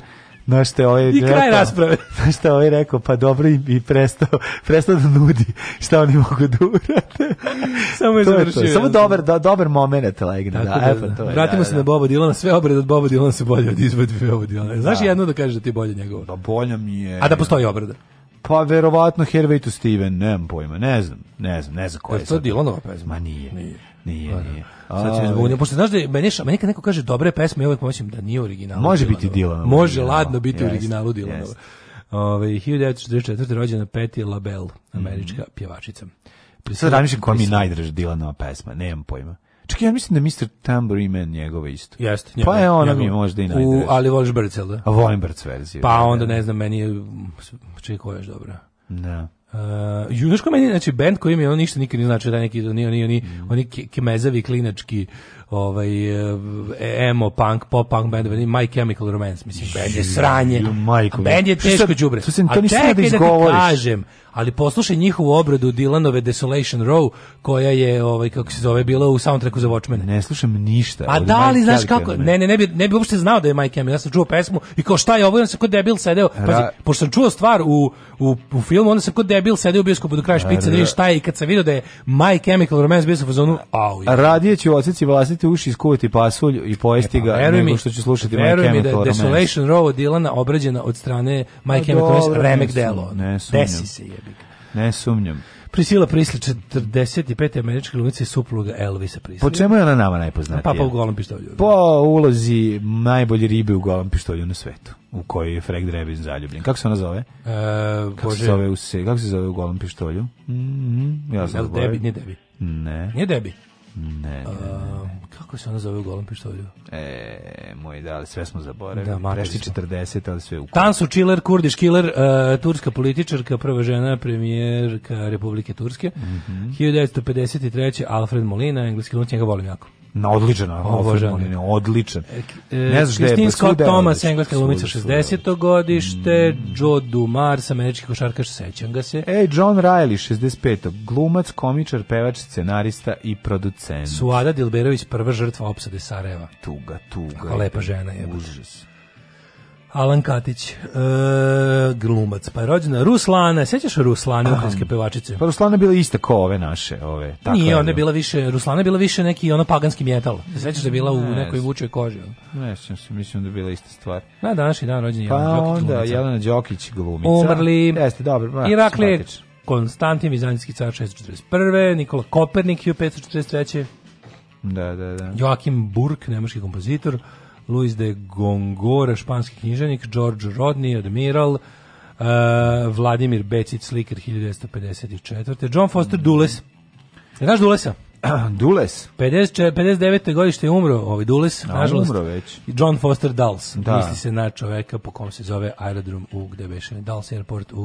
u, u, u, u gde je Dulles Airport? Ne znam ima Dallas, Texas i Dallas, mm. New... Si rekao da je Nikola Kopernik u 43. Jesam, naravno, Duke da. Ellington, 74 pa je onda umro Roldos Aguilera, predsjednik Ekvadora, pa, pa je umro gospodin James Harold Wilson, publicist. I Dragomir Stanojević, srpski kaskader.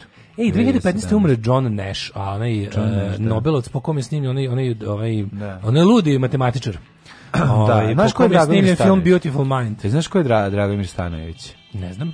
A naš čuveni, čuveni ovaj, kaskader. Bata? Bata Kamen. To je njegov pravo To je Dragomir Stanović. Da, 2019. umrla Dušica Žegarac. E, Dušica Žegarac. Dušica Žegarac, genijalna golumica Gledao ja se jako plašim. Naravno, ja se plašim. Gledao sam da. za vikend ovaj kompilaciju Thrasher, Trash horror trailera, pa je bio između ostalog i onaj Enigma, čuveni Fulčijev, da. iz, što je snimano u Sarajevo, 87. Ona je igrala tamo. Tušica Žigarac ima zapaženu ulogu. Pa tušica Žigarac, bre, pa Tušica Žigarac je strašna. Da, znači, samo se, bukvalno takva, znači, ono, glumi kao neku kevu te neke glavne tušica, znaš kako žegarac. Samo se samo se sama po sebi samo dođe i da, ona da, i strašna je da. da. Strašna je u tete sindromu. Da. I tamo je strašna, znači to tu mhm. nema priče. Ona kad se pojavi pojavi. Džeziva je. Jeste, ima nešto jezivo u sebi. Kaj si rekao? Deset kutija kutona. Deset kutija kutona? Da. Vraži bulec. E, dva, četiri, šest, osam, deset. Alarm od sedam do deset.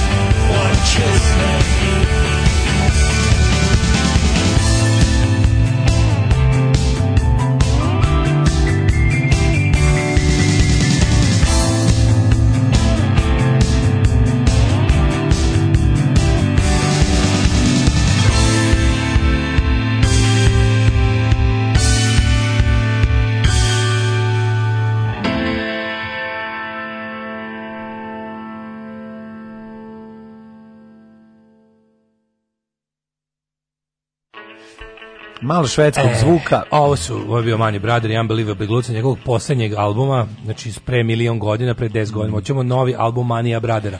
Okrenuo se čovjek pevanju. Dobar dan, Brother mogli dobiti Manija? Manija mogu dobiti. Mani, daj malo. I da se zamisli da mu se vrati Indi da svira klavijature i da bude potpuno sve genijalno. Ne može sad Indi da stigne da se vrati. Da, Indi ne može da stigne. Da, jednostavno. Ali, Kao Jugoslav koji je napustio indeks o radio pozorište. Ne može da se... No turning back, Tako što bi je. se reklo, ali kad bi se vratio manje bravo. Dobro, na ovom albumu već nije bilo Indija. Ali čovjek se okrenuo s Rustu jako interesantno. Čovjek snimio četiri strava albuma o, pet. Mm -hmm. Na engleskom je se okrenuo da bude da u svojoj rodnoj švedskoj da bude tamo pop zvezda i sad izdaje albume na švedskom. A ja, to, a ja to ne umem. Ove, ovaj, e, molim vas, a Areomirova skala koja se koristi isključivo jedino ukrštenim rečima. Da. Uh, jel vas zanima kako peške da prebacujete Fahrenheit u Celzijuse? Od stepeni Fahrenheit oduzmete 32 i podelite sa 1,8. Već sam vas izgubio. Mislim, ste vi normalni, što znači peške? Deljenje peške To je peške, pa genijalno je. Nisam znao to, a ovo stvarno tako ne stoji. Deljenje peške ne postoji. Znači, dobiješ, da dobiješ cijeli život peške, pa i oduzmeš 32 i podeliš sa 1,8. Aj, podeli sa 1,8 bilo šta. Ja ne, ja ne znam, ja ne bih znao, ja ne bih znao da peške sada ne bih. Ne bih znao pismeno da podelim, ja ništa se ja ne znam. Ja zaboravio sam. Zaboravio sam kako se radi. Da, Mislim, realno nisam nikad zvao. Ja sam znao da delim, ali Ja sam to pismeno deljenje zvao merdevinanje, jer mi to izgledalo kao da praviš pa, merdevinanje. Da, da. Da. I nekad, je, nekad su neki brojevi znali da budu do, do kraja papira jebote, onda idu. Pa, Evo jednostavno, ti ovde vratiš, ovde vratiš 15, pamtiš, ovde prebaciš, vidi do gore ostaviš, ono gore, meni ono ostane da stoji, pa pismeno, nedelju dana mi stoji gore, to pa pokupim da, kasnije. Pismeno deljenje, ja to nikad nisam da, hvala Bogu za da, ono digitrombuje koga izmislio, ljubim vas tamo gdje sunce ne sije. Kaže, uh, vinjeta iz Coffee and Cigarettes Žarmušovog s Alfredom mhm. Molinom i Stevom Kuganom, mm. predobro. Mm -hmm. Ovaj, uh, Dilanova story of a hurricane, super. Pa onda yeah. Da. kaže, Um, prvi album mu je super ostalo sranje. Dilan peva kod ima mokre leđe na promaji. Onda Daško mora da kao ja voliš onog suvonjavog mladog momka što svira oko Jovinog spomenika glas mu je kao četiri boba Dilana na tri pakle cigareta dnevno. Da. Kako da ne. Čekaj, zavis ovaj, ko, zavis na koga mislite. Ruslana je to me guilty pleasure uvek i zaovek. Jedini put kad sam se zainteresovao za Euroviziju. Znači, slana dobra riba, on ćemo pogledati. Jedna od većih Boris. prednosti, čemer hvalisanje, jedna od većih prednosti kad odeš u Grčku je što ustaneš u 8 i uhvatiš Zolija i početak alarma. Marš. Uživa neku Grčku je već, kažete mi ono, kako ste tako rano uspeli da stignete? Mislim, tek je druga polovina maja.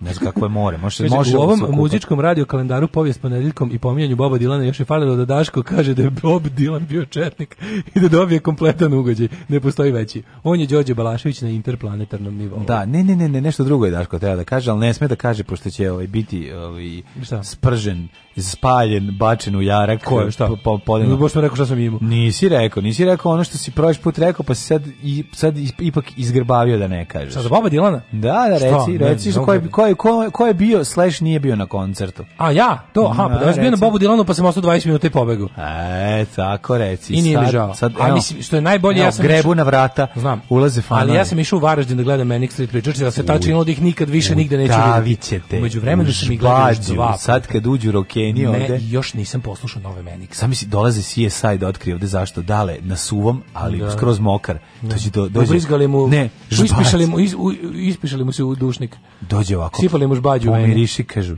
pa on je udavljen. I was murdered by žbađu. Baci naočare. Ovaj, we won't get full again. No. Da. We won't get full again kako se Hore, Horejšo Nelson baci naočare i kaže Kane. Kane kaže da. ovo znači, je dragi ljudi moji ali onda skroz u ovom this, na brdu gde nema this gentleman is murdered by žbađ cent, na, znači u, na, znači bukvalno u, u Deliblatskoj peščari gde nema ono gde nema grama vode gde nema kapi obične rose Meni je dale loko... pronađen skroz kroz utopljenu žbađu pa to bi bilo najbolje loko loko je bolji original od Dilana leka leka Loko Loko je tako nikakva pesma koja uopšte nije, ali tako čak ni ne nervira, nego samo tako ništa.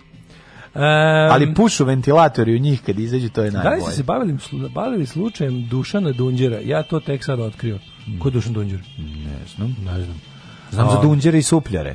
Kaže, da li je pobjeda Italije na Eurosongu dokaz da se posle pandemije vraća gitarska muzika u mainstream? Koji je prorok to rekao? Da, da. prorok daši mi je. Ovaj, ajmo da vidimo mladene varijeme. Ajde, ajde, vremenske prilike, možemo. Yes, može, može, može.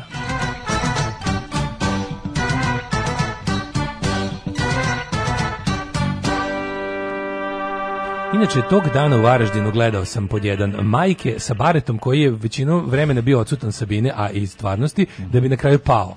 Pa onda, da. pa sam on onda, je pao da ne bi gledao Dilana. I to je bilo genijalno. Znam, da, znam da je ovaj, kako se zove, majstor James Dean Bradfield iz Manix Manixa rekao, what about the, what about, what about the, the band before us, ha? Huh? What a rock and roll nightmare!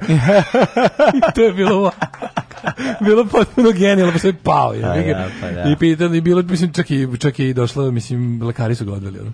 Pao je kao, uf, ono a onda su onda su Manix isprašili najbolje na svetu i onda sam gledao 20 minuta dila da ispoštujem i paljba Beranija. Da.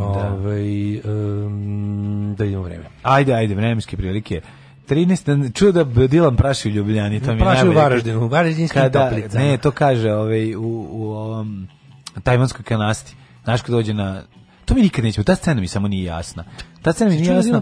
Ne to, nego... nego Draguca. On, ne, ovaj drži, aj Draguca svire sa njim, Petar Božović, nego oni drže tu, je on tu neki predradnik na toj deponiji, je on tu, šta on... Ne, Petar Božović, da, šta je on kralj deponije, ti si imao to čoveče, da, verovo da. ili ne, ti si imao mm. likove koji su ono kao u tom nekom svetu so, to kao tog nivoa da. kriminala, ba to glavno romski, romski bilo. Ovaj pa on kao glomi Roma. Pa ne glomi Roma, ali da bude malo ovaj egzotika, jebi ga. Kao Belibora. O, ovaj, kao Belibora otprilike da. Ali uglavnom si imao tu kako zna se koliko deponiju drži, ko prvi dobije da pretrkeljiše više deponija. Da, i on je zapravo, ogromne pare. Pa jesu, ja da. znam. Da. A on je kao tu neki ono. On je tu glavni. Da, glavni, a to je deponija. Mm. 13 stepeni u Subotici, Sombor, isto toliko Novi Sad 15, Renjavin 14, Kikinda 13, Banjski Karlovac 14. Pa ja nikad nisam ni postavio pitanje o tome, to mi to mi nije, nije mi ni zanimalo. Na kraju depo je, tako dosta da Banjski Karlovac 14, Loznica 14, Mitrovica 15, e, Valjevo 14, ovaj, zatim Beograd 15, Kragujevac 14, Merska palanka 16, Veliko gradište 14, Crni vrh 8, pretežna oblačnost ili delimična oblačnost svuda. Negotin 18, Zlatibor 12, Cjenica 13, Požega 15, Kraljevo 16, Kponik 11, Kršumlija 16, Krševac 14. Šta meni u čemu se radi? Ćuprije Niš 15, Leskovac 16, Ti voliš kamenje. Kaži ti mene. Zajčar 17, Dimitrov 15 i Vranje 17. Šta se dešava s fucking vremenom? Znači, danas moguće kiša, ne, Beda. Sutra 29, pa onda sredu 21, pa u petak 22 i kiš. Rekli su da neće uopšte biti leto ove godine. Znači, A ne, možda. Ne, da, da, ne, rekli su da biti 15 vrelih dana, raspoređenih strateški, ali da će u principu biti stalno ovaj vrljavo. I da će celo, celo leto biti vrljavo. Tako zvano vrljavo leto. Vrljavo leto od 2021. vrljavo leto. Kako ću ti se usrati u život, kurvo? Alarm svakog radnog jutra od 7 do 10.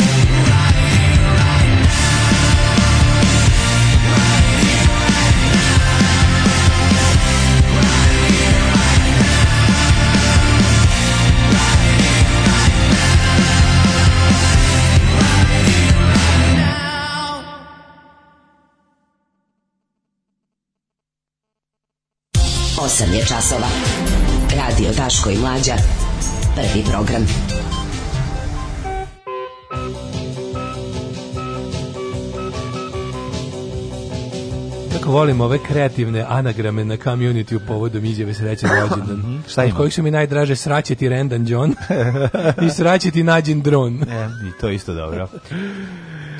Evo, ja sam ti kažem, pevač e, pobjedničkog benda zatražio test na narkotike. Zatražio. Kaže, i, ali ovaj čekajte, ljudi, pa stanite. Mi smo se pre 15 godina umirali od smeha na priču o tome da je da. predsednik Molvan je zlad izbačen s Eurovizije zbog dopinga, a danas je to prava priča. Ha, ne znači, mi smo da se to smeli, kao, kao je genijalno, da se sjetio da izmisli priču o čoveku koji je izbačen sa Eurovizije zbog dopinga.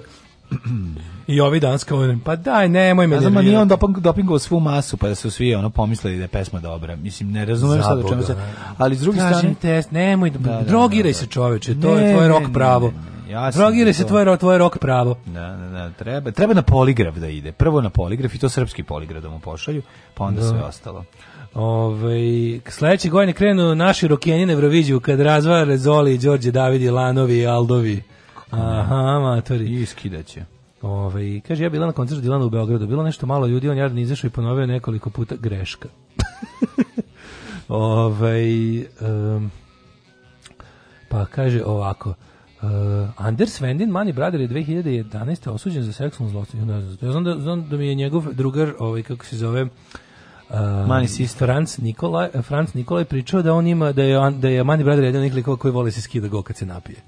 Da, da i da voli da se blamira s tima. Nisam znao za mislim nisam kako nikad ništa o tome nisam pročitao. Pa ne znam. Mislim ja baš pratim njegov rad i ono ne znam da je da je osuđen za nešto, može bi optužen za, mislim moguće, ne bi me čudilo pošto pošto je tako ponaša može da bude i u drugim sferama idiota, da. ne znam da je osuđen.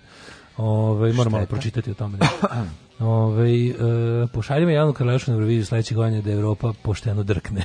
pa i sad su što, kao nismo, sve kao nismo postali Evropi da pošteno drkne. Da, imali su Ajde, molim. trodrk, mislim. Ono, mislim, da, naše, na, naše mačkice su bile najporno na Euroviziji. Da, Ubedljivo. Da, da. Ove, ovaj, e, dobro jutro, kurati drugari. Šaputali ste nam na jastuku, mrsko nam bilo ustati do sada. A, blago vama, ljudi. E, sreća je onako u 8.32 e, može da stavi kafu. Da. Koje ja sam ustao. No, kaži mi Kako će biti leto 2021. vrljivo leto? Da li nas da očekuju tropske temperature? Hoće li biti nepogoda? Kad na letovanje? Da. Hoće li biti kupanje u septembru pa možda i oktobru? Marko Čubrilo otkriva u kom delu Srbije će biti najtoplije. Mm -hmm. Znači, Zemlja u kojoj je vremenska prognoza ovaj, stvar kontroverznog i bombastičnog naslova. Mm. Ali Blitz koji, by the way, pogledaj, ništa. Blitz je da. skroz, uh, oni idu, Blitz skroz ide u fazonu, uh, skroz u fazonu izbacivanja politike iz javnog života. Da, da. Samo bjedni ljudi, sirota, deca, oronule kuće. kurir sve neke tako Rad teme. Za to je jako čudno. Masovna tuča huligana je udar na klan Velje Belivuka. Leto će trajati sve do oktobra, Marko Čubrilo predviđa mm Ove, ovaj, ali mislim znamo da su sve vremenske zapravo dugoročne prognoze nepouzdane i da je to pitanje, mm -hmm. ali on kaže da će ovaj najtopli dan, sve je čovjek. Evo, kaže. Mm -hmm. uh, jako dobro. Bra, bratski bugarski narod će uvijek u Srbiji imati prijatelja. Vučić ispuni sve što obeća, kaže Rade, Vučić kaže, on znači ne može, evo, veliko vekovno po, po, konačno pomirenje između nas i Bugara. Bili smo tradicionalno neugodni protivnici jedni drugim kroz istoriju, sad je to sve sređeno. Evo kaže ne treba očekivati tropske vrućine ovog leta, kaže Marko Čubrilo. Mm -hmm. ovaj, i tako. Padavine, vidi, padavine, biće stalno padavine. Mm -hmm. Padavine tiče treba da bude suvi, mm, mm. biće kao su, suvlje, ali mhm. ovaj ipak pod, na onih vrelih leta na koje smo navikli prethodnih godina kao neće biti. Mhm. Dve strane je Blica ubio na vremensku prognozu. Aval vera, ono što je u normalnim novinama jedan kvadratić od dnu stranice, kod Blica je duplerica. Mm Uh, da imamo što imamo Grigorije koji je obodrao ga Marinika fotorobot. Kako bi trebalo da izgleda kandidat opozicije za predsjednika Srbije? Da ima između 40 i 60 godina, da nije političar, a možda bude i žena. Mm -hmm. Eto, možemo time da se pozabavimo. Ali, ali pre toga bi pa ja, ja bi pre toga gledao navijače. Pa da. Jer, brate, zna se ko upravlja ovom zemljom i zna, zna se, mm -hmm. zna se jedna velika istina da mi smo živi jer nas navijači još nisu ubili.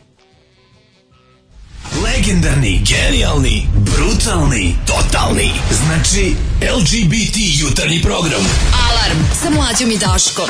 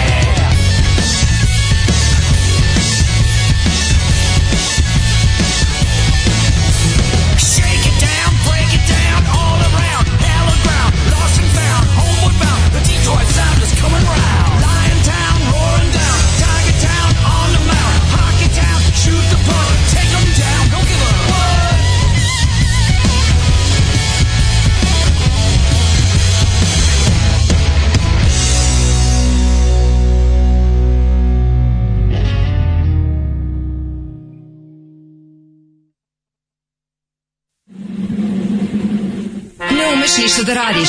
Nemaš devojku. Kladionica uvek dobija. Probaj. Fašizam. Fašizam sadrži sastojke koji će učiniti da se osjećaš moćno i smisleno. Terorisanje slabijih, optuživanje manjina za lične neuspehe, snaga u čoporu. Ovo saopštenje je čisto fašizam. Fašizam. Il duce vincerà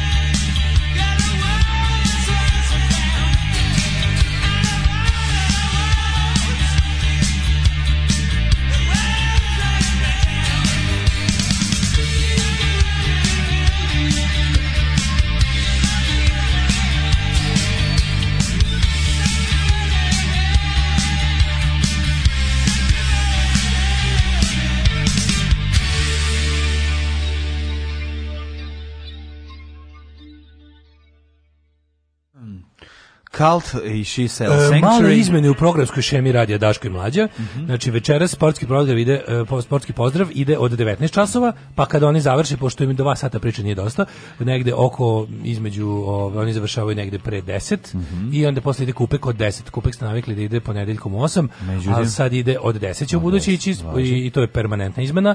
Sve ostalo znate, utorkom imate ovaj kako se zove Sonju, sredom mm -hmm. imate Migeta, četvrtkom ponekad imate Šarnogornik Lismilju. Ne ponekad imate Sokčetu četvrtka? Pa nekad, da, prošlog četvrtka mislim nije bilo, recimo. Misliš? Čini mi se nije bilo prošlo. Mislim nije bitno, četvrtkom da, da imate.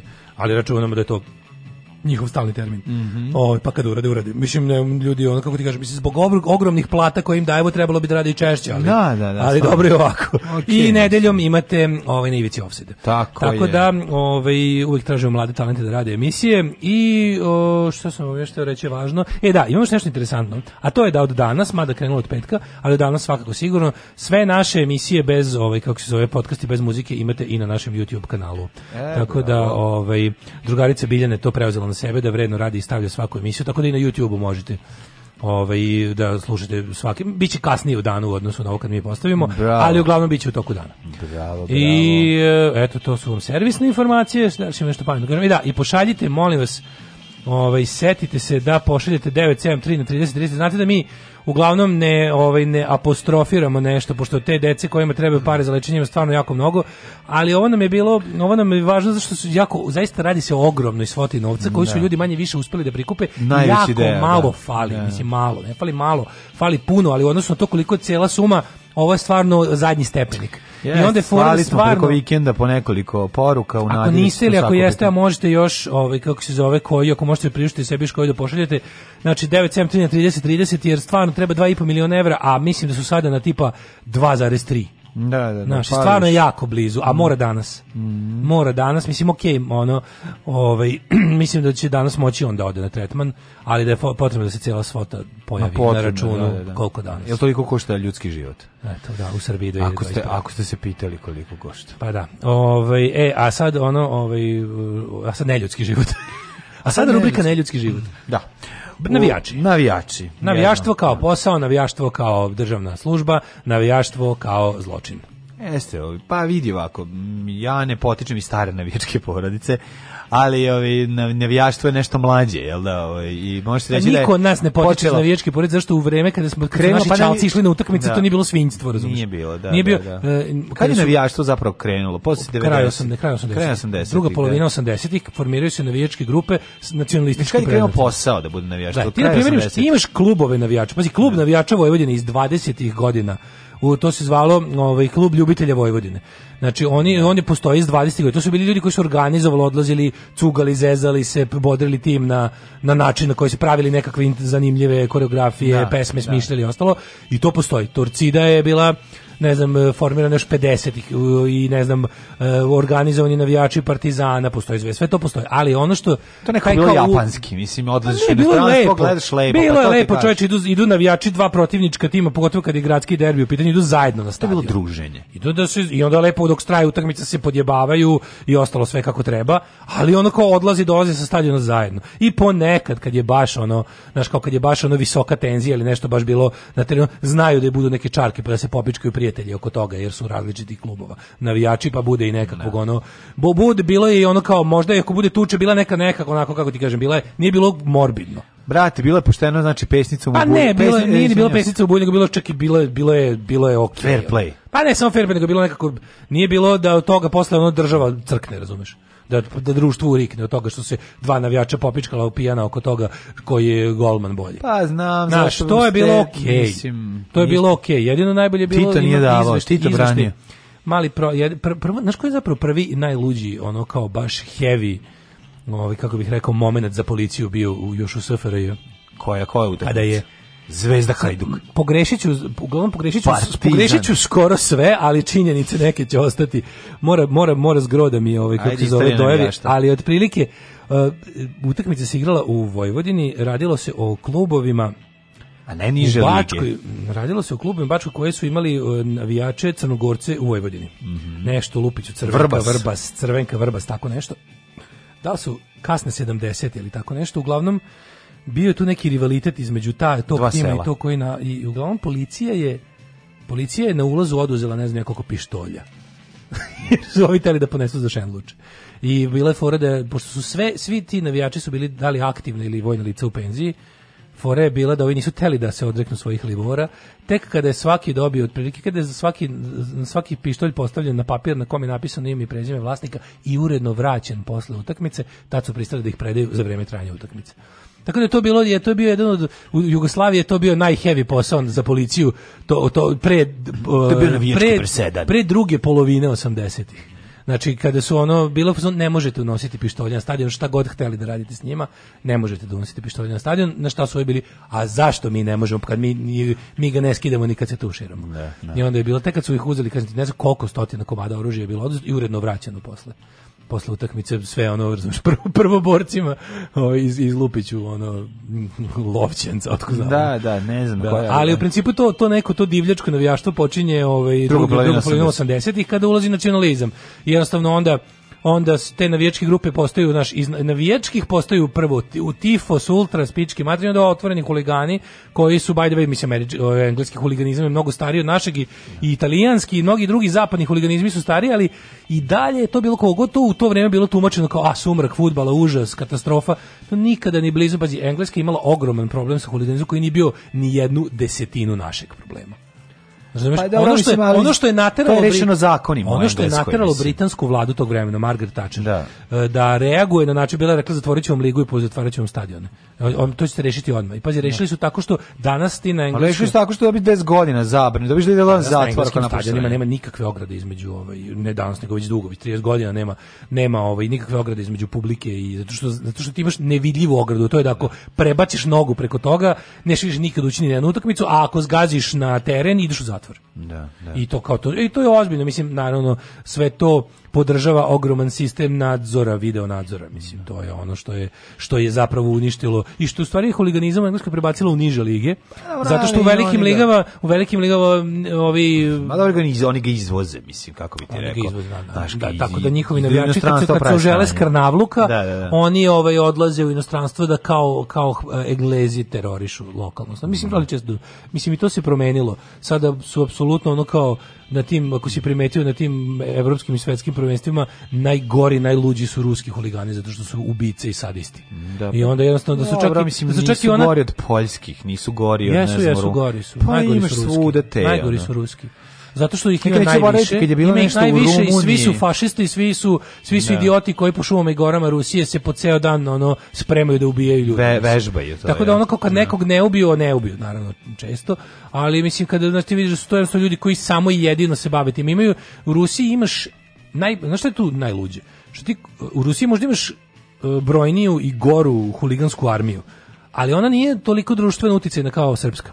Razumeš ti sad, srpski huligani i dalje u inostranstvu ne mogu da naprave to što naprave, napravimo mi povremeno imamo mi uspehe po naše novine onako kao sve kao u fazonu strašna sramota u stvari sa po nekakvim zluradim e, ono dignutim kurcem u gaćama pričaju o našim huliganskim ispadima u inostranstvu jer jednostavno to je ono na, mislim tu je engleske novine rade da ste razumemo ima bili brega odličnu pesmu o tome zove se The Few o tome kako kao novine to suđe u stvari potpaljuju i neka vrsta nakaradnog šovinističkog ponosa se uvijek iskazuje kad kao naši momci zavladaju trgom u, u Barceloni a u stvari su ono Idiot. Kreteni. Da. E, a ovdje je što ruska ta huliganska armija koja kad krene s tim ruskim, ono, zato što u nekim zemljama da taj kult reprezentacije nije jak, u nekim jeste. sad kod Rusa je u fazonu, naš ti svi nacionalisti, ludaci, ti što po, po šumama i gorama tamo goli do pasa, ono, tuku i jure sekirama, odlaze se onda izliju na, na, na jebi ga na neki ono mirni holandski gradić, pa to bude katastrofa. Pa evo sad su na mi, mir, mirni srpski gradić su se ove, ovaj, izlili i to proslava da, titule, da. tako? E, al to je, e sad, ono što stvarno nema nigde, verovatno čak ni u Rusiji. Rusija ima državnu bajkersku bandu i državno svašta, ali stepen uh, uvlačenja države u futbolskim navijačima ne postoji nigde kao u Srbiji. Mm. Možemo čak i govoriti da je ovo navijačka država, jer pazi, ljudi koji upravljaju ovom zemljom su sami pripadaju tom ovaj, ovaj miljeu. Mm -hmm. I jednostavno ono e, navijačka želja je svetinja u ovoj zemlji i oni su iskazali želju da pazi osvojili su titul, koga boli dupe? Pa prvo su ono Može, u da li postoji, mislim, postojili pa način da. da ne osvoje? Znaš, kao ono. Pa, posvojili, da. postojili način da ne osvoje. Postojili je da, nakon uspešnog da pecanja u buretu, ono strujom, da. sad su ono, krenuli su da slave, da. Ma mislim da sve to, ajde tad sad nego, znaš kao, to preli, to mora da se izlije u, u, u, u ono kao u Kosovo za patike. To mora da preraste u razbijanje izloga, u mlačenje ljudi, u ono sve to. A, a, a kao osnova, kao i za te, za te priče bi trebalo da stoji fight oko tržišta narkotika, mislim Naravno, i, i, i tržišta ovaj obezbeđivanja obezbeđivanja lokala, lokala da, da, da, da, to je. I onda fora što ovi jednostavno ovaj navijači Crvene zvezde, znači da to je, to je zvezda pa- iznad države. Pa da ti kažeš, znači fora pa poklopi, naš, jednostavno poklopila naš predsednik je prvo navijač Crvene zvezde, pa onda pa onda se ostalo. Da, da, da, on je da, predsednik da. navijača zvezde, a predsednik svih građana nikad nije ni pokušao da bude. On je prvenstveno predsednik e, ovih e, zvezde i Srpske napredne stranke. I jednostavno svi ljudi koji nisu jedno od ta dva, a ako nisu ni jedno od ta dva, onda bolje da. beri kožu na šiljak. Onda to ne da, ne da ti on nije predsjednik, nego ti je neprijatelj i radi na tvom ono kao goritku. Mhm. apsolutno. I ti znaš da taj čovjek ono kao a ove druge druge je neutralisao do, tako što im je doveo jebi ga bivše delegate najgorih huligana iz drugih klubova da zavladaju tom tribinom e, Partizana. Da. I jednostavno neutrali su političke e, kako bih rekao disonantne tonove sa tribina. Ne. Lomili ali su izloge inventare nasrnali na goste. su izloge, izloge nasrtali na goste. Lomili lobanje. I gurali flaše. Da. U... Na šta psihaos, mešni ljudi su Pasali živu glavu u beton hali, krili se po kuhinskim restoranima i bežali na obali Save, posle su jake policijske snage, oni su ušli, oni su krenuli da razbijaju sve. I što da podrže kao, ovi su kao prošli brodom, pa su ne znam, kao da pozdrave navi. Mislim, to... Ne, ne, ne, to je bilo, ajde da krenemo od početka. Ajde da krenemo samo šta je država sve uradila da izađe. Upravo policija je napravila, ta policija koja se sada kurči, kako će ona u buduće sve, sve one voli nesrećni koji izađe pa kaže, a, grad Beograd je bezbedan grad i građanima neće ništa faliti, već, već im je falilo. falilo znači, da. nakon što im je sto puta falilo sve da im više nikada ne fali, ti ne možeš biti ministar policije. Što je za ostavku, razumeš? Ali ali ne može biti ostavku kad su oni to organizovali. Znači, da, policija da. organizuje njima e, Brankov most se zatvara popodne za pešake da bi oni montirali pirotehniku. Zvanični grad to radi v grad vode navijači zvezde, vesi. Svi su oni vole da se kurče kako su ko zna kakvi. Znaš, njima je to, de, pošto su oni kandidati za muškarce, ne. svi oni mole, vole da imaju taj deo, brate, e, iako sam, brate, na funkcija ja sam im na prvo mesto, ipak, brate, crveno-belo srce, brate. Brate, poludeo sam, znaš. Poludeo sam, znaš, mislim, ipak, brate, ono ta sreća, povodom, povodom po, potpuno neizvesne titule koje smo da. jedva osvojili, mislim, razumeš me, moram i ja kao, kao, nisam ja samo, ono, nisam ja govno ceo dan, nekad sam i navijačko govno. I onda razumeš ono kao, razumeš, mora sam da čisto, ako, ako mogu nešto da pomognem svom klubu, svom gradu, brate, da. to ću da uradim. Brate, zvezda se voli, ostalo su sitnice, znaš, Tako nije je. to brat naš, onda, sve ostalo. I onda su im dali jedno kilometar obale da je, da je privatizuju taj dan mm. i da jednostavno tamo bude ono kako, i to i to ti vidiš taj način da se znaš ne možeš jednim uglom usta da da hvališ, to je da se kučiš. Ovo je moj Beograd, ovo je slika u da, svet. Da. Pogledajte baklje uveče sa brodova, pogledajte pirotehniku, pogledajte na kao to je kao to je kao lepo, a onda kao znaš, mislim taj ne seri kako može jedno bez drugog on, na Balkanu. Aj možda da, da, da je Bundesliga pa da kažemo navijači Bremena napravili lepu koreografiju i završilo se na tome. I kao bilo je stvarno super izgledalo, uvek lepo izgleda kad se upali svetlo u noći. Ajde, dobro je. Ali mi znamo da je za kod, iza toga kod nas sledi sadizam i fašizam. Mm, znači mora, jednostavno, kako ti kažem, ti od, od sredine 80-ih ti klubovi imaju status jednostavno paravojski. I oni su nam lepo pokazali. Kako lepo navijač Zvezde posle napisao, šta je miševi, pušite nam svima, da. sledeće godine ako nam se prohte zatvorićemo autoput na 24 časa. I hoće. Pa da, pa hoće. Da, pa da, ne zato što država neće da ih spreči ili hoće da ih spreči. Oni su država. Pa da, ti pa kad si da. navijač kada si se popeo, to kada si jednostavno kada si okrvavio ruke, ti si postao društve, državni službenik. Mm. Ti radiš za za stranku, to jest državu.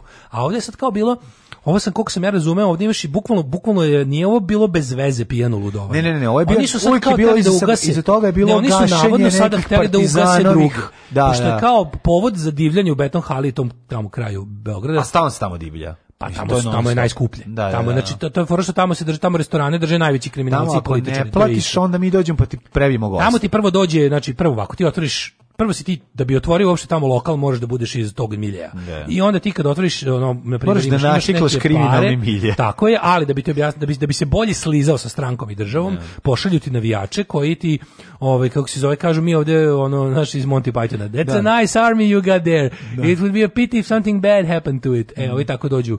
E sad fore što su tamo u podeli prethodne podeli koje se treba poništiti, su tamo radili ovi ovaj Belivuk ekipa. Mm. I sad pošto oni iako su je to bezlati, imaš, da, da. oni se moraju da budu, pošto je Vučić, ja bi ga odlučio da je, da, kad su mu se uskučili, da ih sada poništi i sad, pošto je glavu je skinuo, ali ostalo je ipak to veliko telo.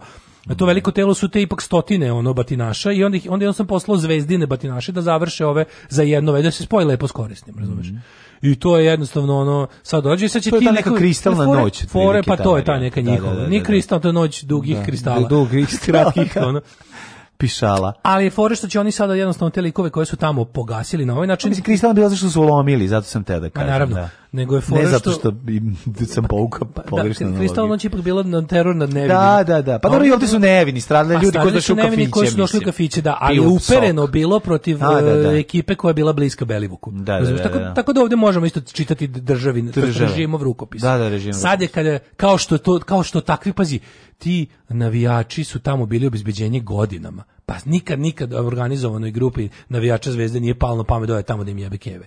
Znači sad su to radili zato što im je neko rekao vreme je da se, da se likvidira cela grupa. Da, da. da glavnina, ona glava je u zatvoru mm -hmm. i ova ostala ekipa okolo je već sad u zatvoru, a treba da počistite ovo sa ulice, da se ne bi, i šta je važno, važno je tim da se da ne sada, novi, oni su da? trenutno da. sada slobodni strelci, manje, manje više e, labavo povezani sa i dalje južnom tribinom, e sad ok, oni mogu da, pošto smo sad to završili, bilo bi dobro da te pešadince koji su ostali ili prebacite u našu stranu ili da ih da. izbacite iz stroja.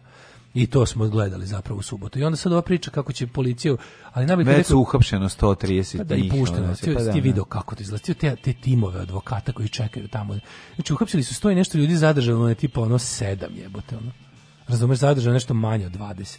I to će bi oni su pušteni sutra da. A znam, oni će biti martiri, mislim, znači, to je to ne znaš ko je to. u pritvoru, razumeš, ne, da, mislim, da. jednostavno. Ne. Znači, ko je to step, znači, nasilničko ponašanje, to, mislim, to je, to je, to je za višegodišnje robije svakom koga su uhapsili tamo svakom.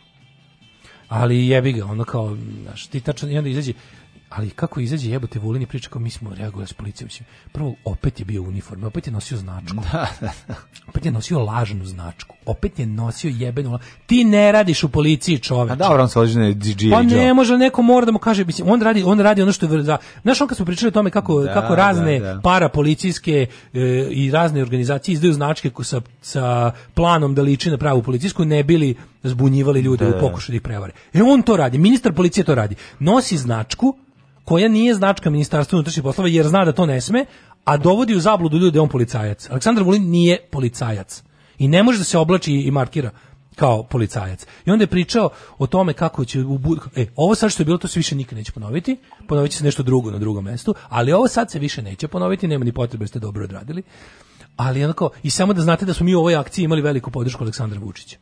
Pa mislim naravno da ste imali, prvo ste imali da je pokrenete, a onda i da je zaustavite kad je trebalo. Čekaj. Sad mi je sve jasno. To je kolektivna halucinacija. Alarm. Alarm sa mlađom i Daškom. Svakog radnog jutra od 7 do 10.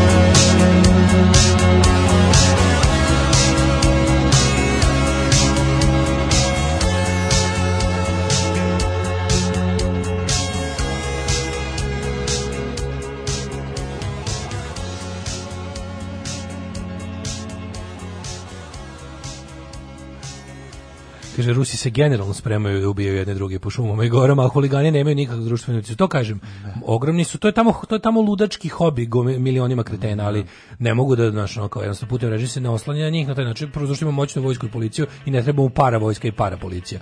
Ako odnos imaš onako ja, prejadnu vojsku i osrednje plaćenu i opremljenu policiju, ali se oslanjaš na neformalnu para policiju, a to je, to je navija, navijaština.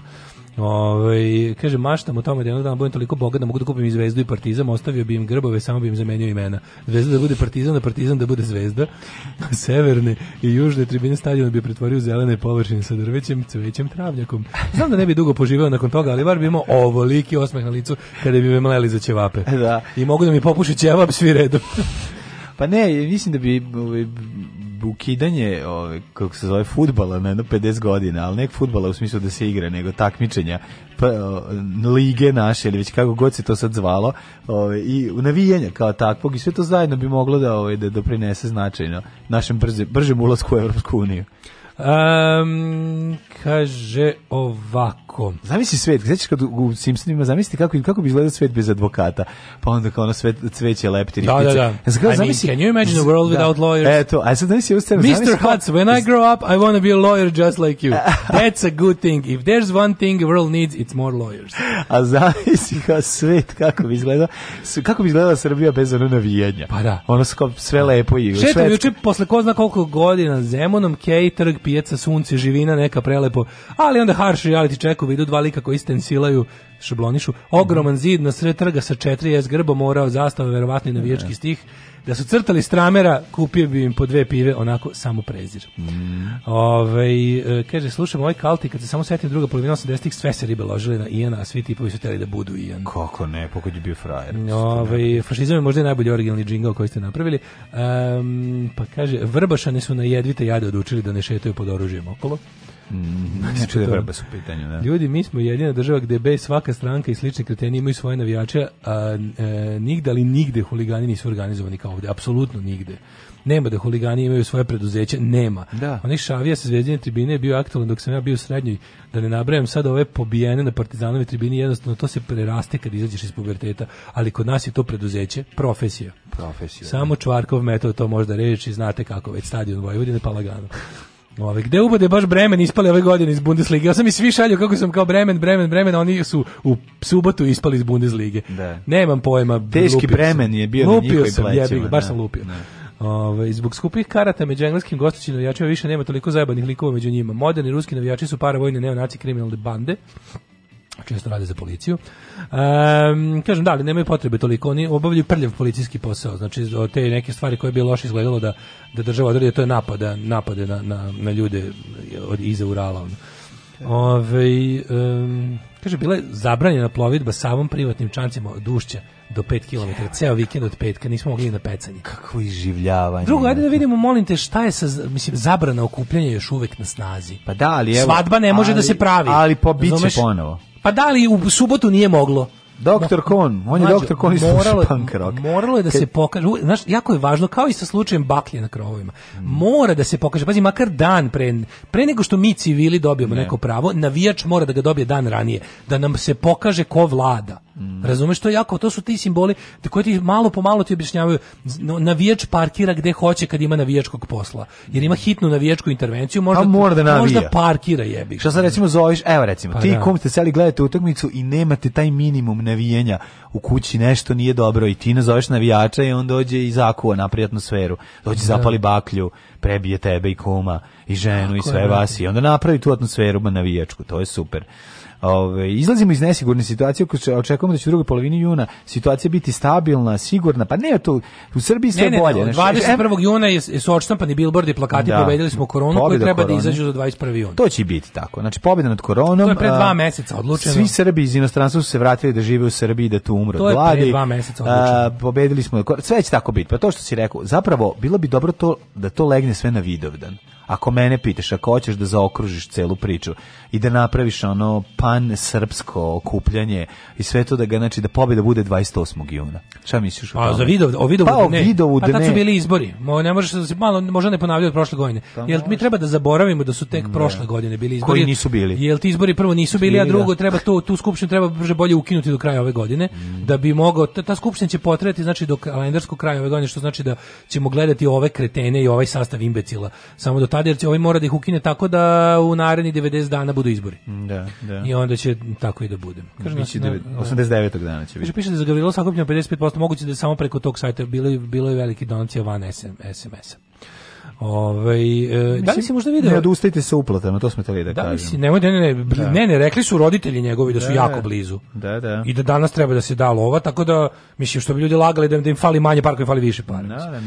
Ove, ovaj, a Da li si vidio molim onaj skandal sa, sa, sa letom iz Atine za Vilnius iz, ili za mislim za Vilnius. Uglavnom za iz, iz ovaj Atine je bio Rainer let za neku pribaltičku republiku i da je ladno ne, da, da je ladno Lukašenko poslao vojne migove dok su preletali preko Belorusije da skrenu da im da im da im uspostave na radio veza treba u, u avionu je bio E, novinari kritičar režima.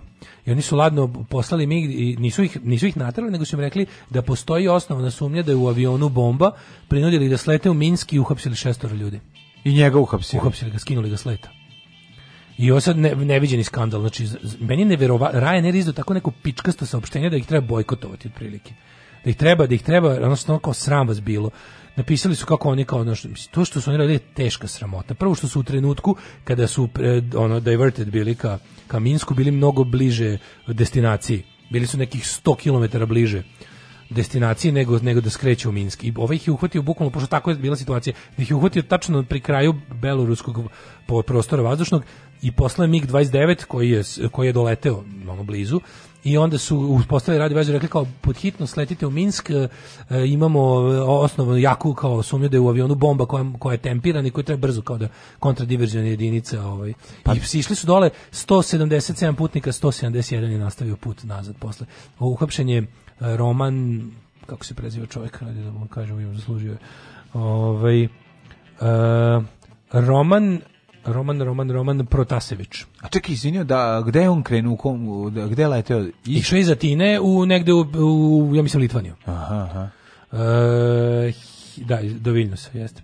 O, da ti je do Vilnusa. E, beloruski opozicijski aktivista Roman Protašević, njegova devojka i još četiri putnika na letu od Atine do Vilniusa nisu se ponovo ukrcali tu letelicu nakon što ona preusmerena ka Minsku objavila. Mislim, to je, to je kidnapovanje. kidnapovanje to je kidnapovanje. Oni su kidnapovali let. let. To što da. oni radili znajući, znajući da ne postoji nikakva bomba i, i šaljući vojni avion naoružan, Znači ti prvo kad ti se pojavi vojni avion, znači civilnom pilotu kad mu se da. pojavi na horizontu. Ne, ja ti kaže imaš bombu, avion mora da sleti. Da, da, nema, da, da, nemaš da. ti to šta kao što imati i mis, ali kao došli, ali zašto znaš, mogli su to njima da javi sa zemlje, ali ovako je da se usreš. Pa ovako je da ne znaš, da ovako je da te slude skroz. Kad ti pošli se pojaviti se vojni pa avion sa naoružanjem i kaže spustite se dole, skren, kao promenite kurs, vidite, zauzmite kurs ka Minsku i silazite dole e, da imate bombu koja će, samo što nije te, kao, znaš. I oni gladno, to, to, to je međunarodni, to je državni međunarodni terorizam. Ja ne znam da je to neko uradio, to to je Gaddafi za nje radio. Ono, tako da, da, da. Tako da ovaj, mhm. i meni je neverovatno i ovaj, ovaj dobio osuđenje hitno na 20 godina zatvora odmah. Pa da, a će ubiće ga za ono... Ubiće ga, on, ne, on je rekao zadnje što je rekao, što je uspio da kaže, Putin rekao da ono, they will execute me here. Pa da. Znaš, mislim, sako, ja mislim da ono, bukvalno ne, ne postoji ništa što ne, to, to, to, to ono Belusi što ne treba raditi. Treba, treba, treba da mu upadne strana vojske da ga oslobode. Mislim, bukvom su to zaslužili. Zaslužili su vojnu intervenciju, da im se upadne tamo, se zbaci taj režim i da čovjek oslobodi zatvor. Mislim, šta, kako smeš da, da ti znaš da on neće, ti znaš da će on, mislim, nakon mučenja nestati u tom zatvoru, mislim, to je, to je jasno. Ne, pa, mislim, čim ti, čim, čim, ti nestane, čim nestane iz očiju javno, sad ne pa mogu da ga ubiju, da, sad ne mogu da, da, ga ubiju. Pa da, će sad ga ne mogu da ga ubiju, ali ono... Da, kad prestanu novine da pišu o tome, a Lukašenko lično naredio MIG eh, da, pa da otprati avion do aerodromu u Minsku, lideri EU i NATO su oštro, su, oštro sudili. Mislim, znaš, ono, Jel taj, jel ima ta Evropska unija NATO više ikakva muda? Ono, Naravno da nema. Naravno da nema. Možda ih luž zajebava Lukašenko. A pa boli njih dupe bre za to. Možda ih zajebava Lukašenko. Šta je ti bili boli dupe za tog novinara? Napriči novih 10 koji će ono biti mm, protiv Lukašenka i on će ih organizovati. Mislim, čovjek jednostavno zna. Ali to što je rekao čovjek Ali je istina. Ali Ryanaira kao u fazonu, mi ne znam šta, ono visoko, ono profesionalna, da, brza da, intervencija, pička vam bre, mate, desu vam, deva i šest putnika. Devo mi šest putnika sleta, sram vas bilo ono. Da. Sram vas da. bilo. Tako da ono to mi je baš bilo onako jezivo da, da on skinu, znači Znaš, da te skinu sa trase i da ti kažu kako, kako, kako to smislio jebote. Ono. Da, i sad su ovi kao izdali evropska ova neka, kako se to nije i jata, nego evropska sekcija te međunarodne, je kao ono izdala da se ne ide preko, da se ne leti preko Belorusije uopšte kao da se ne ulazi, pa da. da. se ne prelazi. Nije Belorusija mala jebote, mislim, razumiješ. Ogromna je, ali pa, da. jednostavno očigledno prepostalo da, previše rizično. Tako da, eto, to je bilo iz, iz, iz e, vesti iz avijacije. Da, znači. vesti iz avijacije, još jedno kratko, i gledali smo i utisak nedelje, Bože, tako, pa eto, to Pa, dobro da. je bilo, bilo dobro sranje. Ovaj. Pa, okay, znači, ja sam mator i zaspao u 10.15. Tačno, no. Da. baš kad sam krenuo, znači, taj mrtvački ton, ta komemoracija, ono, kom, znači, tri kukača, to je troje kukača, izvinjavam se, ovaj A i dobro, ne, mislim, ma ne, ono je bilo, mislim ono je bilo, ne znam, da sad ja sam da postavim pitanje, jel vas ne vidi Tiago kao i mene? nervira ti Jago. Ne, nervira ne, što mu to stoji u imenu, ne znam šta to znači, a onda me posle malo nervira i on. To sam te da kažem. Ne, ne znam meni, meni sve to bilo tako bespotrebno, ono kao ono što kuka. ja volim Radata pa Milenkovića. Pa šta, da, ja, ono, pa mislim, dobro, šta Volim ga da gledam kao glumio predstavu. Pa okej, okay, on je čovek. To je baš, glumac, ono, gradonačelnik opšteg mesta, ono, razumeš. Bilo je, bilo je interesantno kad je rekao, jedino, znači, ako je vredilo zbog nečeg gledati, je bilo kad je on trenutku rekao, kao, Ovaj ljudi glasaju za SNS i radi to sve što radi zato su pokvareni. to je bilo dobro. Ali kada mislim dobro, ali gledati, to na osam, gledati, na gledati, gledati dva sata zbog teg jedne mudrosti je bilo malo skupo. Ne. Da. Malo je bilo mnogo. Ali mislim to sve mi je bilo tako kao ovo je bila znaš kao e, dva sata ono kuknjave. Ali oko opšte mestačke kuknjave, baš onako forgettable. Svakog prokletog radnog jutra. Još da piješ nešto? Pomogu pa bi jedan vinjak ako imate. Pa Alarm sa mlađom i Daškom. Alarm.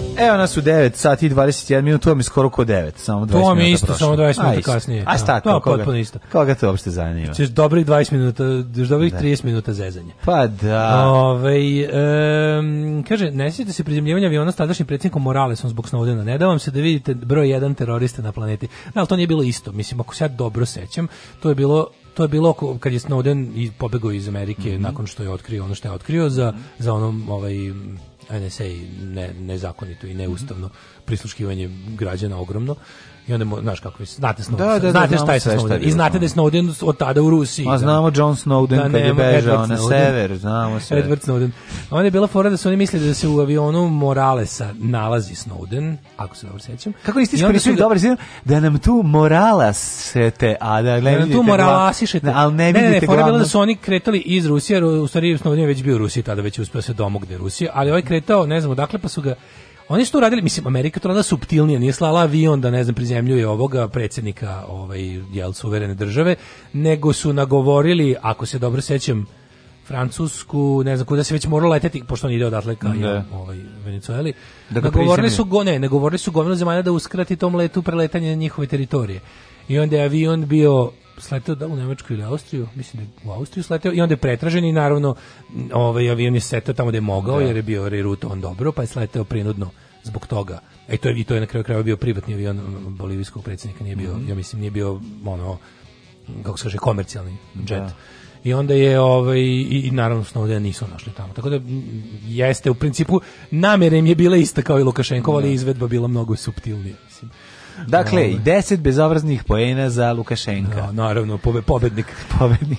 Kaže, ovaj, to što se desilo u Belorusiji kao u lošem Steven Seagal filmu, Lukašenko će biti tu dokle god ga Putin drži, čim Putin dobije ponudu koja se nadbija, odbija, je završio, izgledalo je tako, ja sam stvarno mislio da će ga skloniti onda kad je krenulo mm. sve, plus, plus je gledalo jednom trenutku Putin se jako dugo vremena nije oglašavao po tom pitanju, pa svima mislio da mu čak i bilo da, da mu je dozlogradio Lukašenko. Ne. A Lukašenko se tu nešto, on je to nešto odigrao jako čudno u vreme kad su izbijali pro, ovi protesti protiv njega, on to nešto kao bio, bio nešto, nešto, nešto se kurčio Putinu kurčin u tom trenutku, se kurčio se Putinu, što je baš čudno.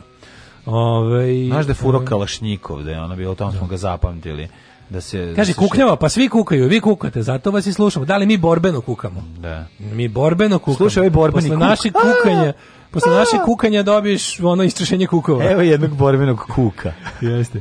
Ove, ovaj, šta imamo? Imamo jednu temicu, a? Pa imaćemo za jednu temu sigurno. Za jednu temu. Mhm, za jednu temu, ovaj ti bi da dala ceo svet. Za jednu moju temu, temu ti bi dala koju reč a ja i onda ne bih ima ovih 25 strana, ne 46 u kuriru današnjem.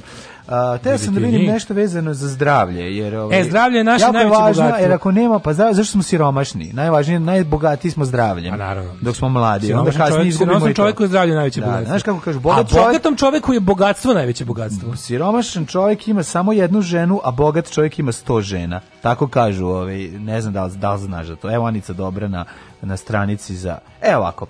A, možemo da vidimo i gradimo Srbije, pa stiko koje je mrtvilo totalno. Imamo džip, ne, imamo ne, deo. Teški slow day je The Office, Pogled, Blic je pobedio. Blic je pobedio sa onom duplericom u vremenskoj prognozi, to je stvarno mm -hmm. ono, mislim, bolje su, ne znam, objavili poklon poster mm nekog našeg poznatog rukometaša. Mhm. Imamo Ali, ovaj šok cene lade u Rusiji. Znači ne možeš da veruješ. Ako a, si planirao da Konačno mogu priuštiti sebi ladu. Pa ne znam da li imaš. Ti treba da kupiš. To je to je greška tvoja. Ja da, bre čut nemoj mi zajebavati. Jedva se prebio sam na korak od kupovine Nive.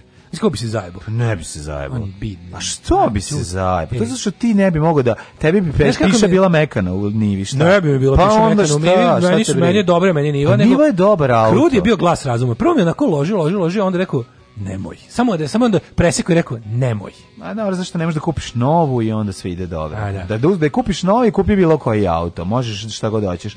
E da, ovaj te sam da znam, ne znam da li znaš, ovaj čuo sam da ne, nisi živ da dočekaš novu sezonu složne braće. To ćemo ja bi to možda u uglavio u đece. Ajde, dobro, upravo si. Ostaje to neku drugu temu. Biće zezanje. Mhm. Mm Svakog prokletog radnog jutra od 7 do 10 alarm, alarm. sa mlađom i Daškom.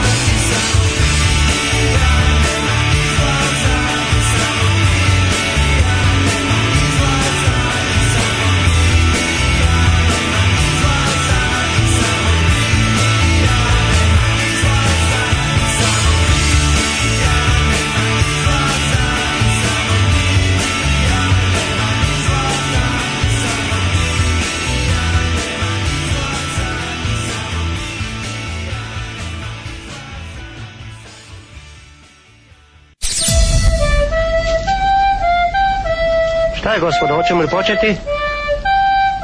Ne. Pevaj. Ne znam to da pevam. Trebalo je da se potrudiš. Nisam želela da se potrudim. Alarm svakog radnog jutra od 7 do 10. Do 10.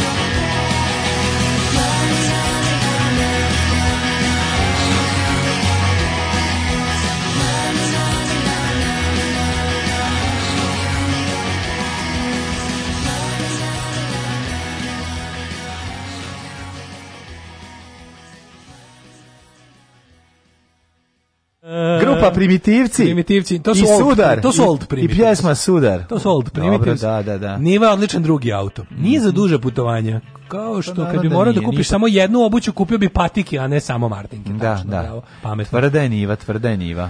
Crveni jugoslovenski kiosk model K61 izložen na Times Square u Njujorku mm. u okviru neke izložbe arhitekture. Mm. Neke. Oni, ja mislim da je stalno... I odmah naši ljudi se pojavili se i, i prodaju hodog unutra. Mislim da već ima da, ali ona u lebu, u lebu. U lebu pa da. U lebu kao. Nije u kifli, u kifli. E, prva ova, prva hodogovi su bili u, okre, u kao u okrencima od leba. Zato što kifla još nije bila izmišljena. No. Da. Ili ovi nisu nabavljali. Pa nešto, nije, nije bilo, bilo, bilo da kifli. Hodog je bio između, bio hodog između dva leba. Molim te, kad sam ja prodavao bižuteriju, da? A, preko puta je bila u Petroradinu prva to je već generacija hodogarnica. Znači, hodogarnice su otvorene već krajem 70. Popularni hodok. Hodok. Znači, prvi hodok je bio između dva leba, ne zajebavam se. Pričali mi motorci, kaže, pa, kad dobro, bio da, bio i da, dve da. viršle, dve viršle. Ne, tad je viršla nije ni izmišljena. Bila je viršla. Bila je dve... ništa, samo dva hleba i ništa između. Jeste, samo ih namažu ove. Kako samo senf. samo senf, da, da. Prvi da. bio između leba i dobiješ ga u onoj beloj salveti. Tad se zvao samo ho. ho. Posle pa su dodali dok, tako da je prapuno ime hodok, što na engleskom znači o, A inače taj, viršla. taj modularni kiosk, znaš ti kiosci pravljeni da mogu Znam. da se kom, da budu, da, znaš na primjer da je bila... Ne na željezničkoj stani, na autobuskoj stanici je bilo četiri ta spojena, pa je bilo da se ne. uđe unutra. Pa tako i željava izgledala aerodrom tajni. Modularno. Od šest takvih modularnih Ugraženih se napravi, napravi se, ove, ovaj, kako se u planini, E, na Jelici, sastali se svi partizani, napravi se tako i unutra uđe Tito i onda kad eksplodira atomsku bombu, Tito jedini preživi. Tako je, a oni su inače, ja mislim, u stalnoj postavci Mominoj. Jesu, jesu, I Gošićevi. I Gošićevi. Jesu, jesu. Ne, ne, ne, jesu definitivno. Ovaj, ja sam bio, ih drži ja kad, sam, ja kad sam u Njujorku u Momi bio, ja pričao sam ti da jesam ušao, da. Ove, ovaj, i cena, imaš nešto kao varijantu kako, kako ćeš da platiš. Mislim, čak Momi u četvrtkom bila besplatno, pa smo čekali četvrtak da idemo, ali onda četvrtkom naravno je red u materinu, da. pa onda čovjek dođe kod tog Belgijska i ogladne. Da bilo ono, oni, oni nekako đubre, da smo imali problem sa đubretom. Da, da Moma ima problem s Museum of Modern Art. Da, da, da. Je bilo neka frka, pa kad su izneli da je bila frka da su sad da sad jasno obeležavaju jer, jer je spremačica iznala neku instalaciju Aha, mislivši ne, da je đubre. da greškom, da. I da, onda da, je bilo ovaj kako se zove kao na nekim stvarima da, da su da, zamolili. Kao što sam ja šutno da, ovaj na izložbi u Novom Sadu, ovaj dasku na kojoj je bio zaboden ekser. Da Misleći da je to palo kad su dok su nameštali izložbu. Bila instalacija. Bila instalacija, da, da, da. U Beču ima, e da, u Beču i dalje prave to, to si dobro rekao. U Beču su ona tanka kobaja austrijska ide na na komadu leba. Naravno da je tanka. Ah, I naravno da je austrijska. da je Nije srpska debela, tvrda, stara. E, ovaj, kad smo kod tvrdih i tankih kobaja, kako, kako, kako stoji Seul s tim? Pa evo Seul, u kanalizaciji Seula pronađene visoke koncentracije Viagre. Dakle, toliko da ti možeš da odeš, da recimo... li je moguće da, da, ovaj, da mm, u tim otpadnim vodama da, kokain da, da. Pa- pao na drugo mesto? To je razne droge.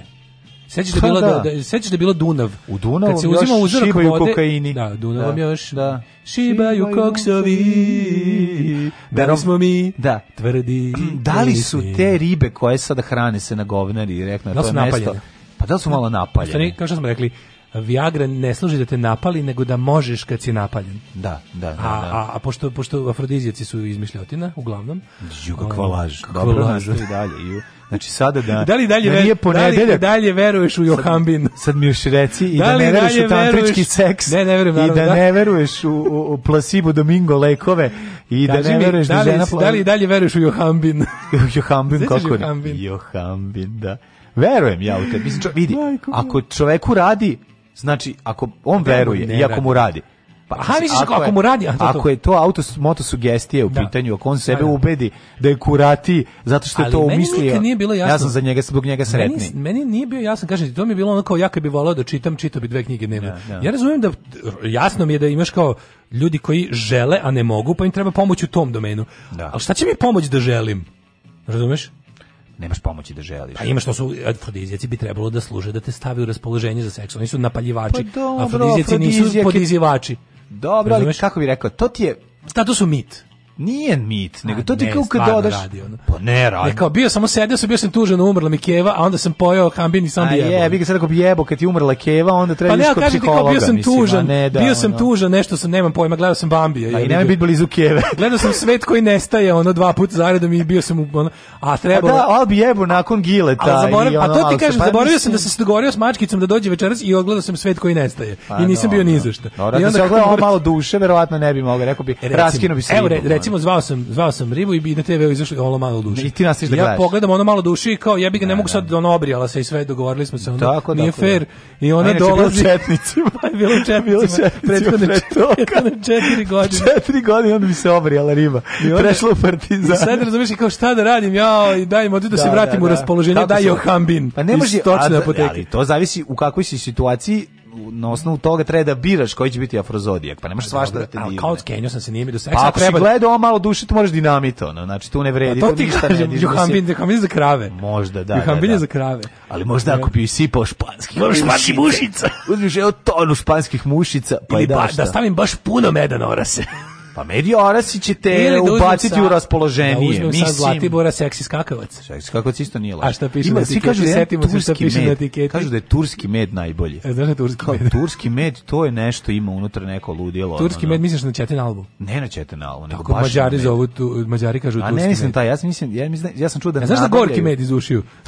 A znam, ono, znam za grupu Gorki Med i Pesmu Bang. Ove, ovaj, ne, nego sam, da ti kažem da E, siguran sam da donek, mislim, znaš da matorci zobaju ogromne količine zrna orašastih plodova.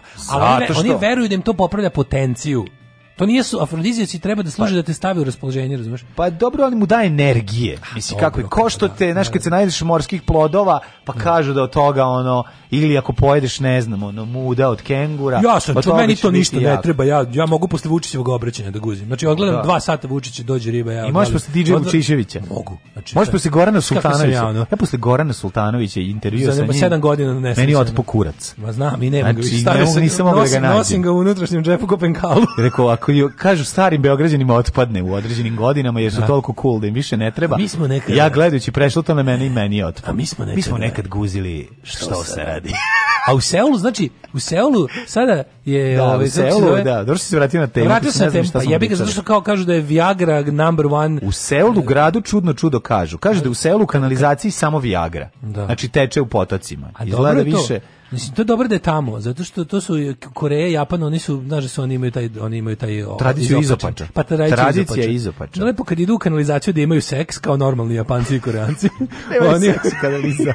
Kako ne nisi gledao to, nisi gledao Tokyo Scat Patrol. Pa, pa ti nemaš pojma. Pa nisam taj, šta ti kažeš? Pa nemaš pojma. A nisam. Pa ti ne znaš šta se šta radi Koreja. Što toj toj se kre, kreš. Toj toj direkt u kanalizaciju siđu. Samo From the source. To je to. Tako da ovaj to je dobro, mislim lepo pa kad se izoprc sklopi sa tehnološkim napretkom. Dobro, ovo je zbog shoringa i kakinga, pa izađe da. iz njega, je tako? Da, da, Izbaci da, sebe ovaj, veću količinu. Mene zanima, da. Što, ti kad recimo, da li može, recimo, čovjek koji se baš jako nagruva od toga, da. Pa ako je sad film u kome on piške on da li je drugom usta, da li je njegovu govno Viagra, da, nekom drugom. ili je to samo što ti kažeš on se napalio jer voli da neko kaki po njemu. Pa to, drugo pa to sad nema veze sa tim. Pa dobro mi ako je pa- Veronika Mozer, je ako pa- slučajno u toku seksa otvori usta i upadnem u govno. Najšo, anti japanski je izjava svih vremena. Ajde. Dobrom Japancu svako govno je Viagra. Ajde, jet set. Ajde.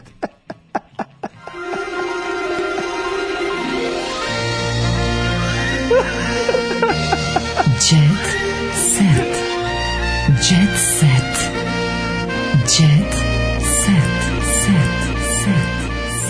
a rđe vam Japanci i dlaki smetaju.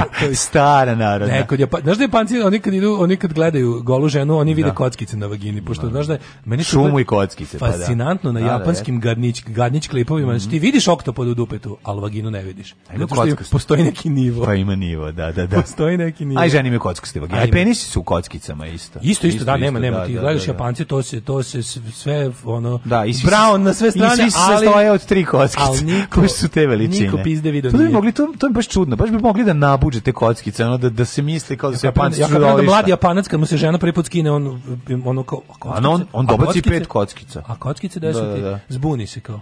Ajmo vidjeti ovaj, Jet Ajmo, Hurricane za Blitz, pobedili smo jer je Srbija ponosna na nas. U prevodu niste pobedili. Ne, a ne, mi smo pobedili. Mi smo moralni pobednici. Ne možemo da neki pobednici, ne. Da. nešto bude. Pa dobro, da. Mi smo odabrali Euroviziju nebesku. Mm -hmm. Mi smo e, odabrali nebesku Euroviziju umesto ove obične koju da. može da. svako. Italijan optužen da je šmrkao kakoin, švajcarac pokazao albanskog orla. Ne.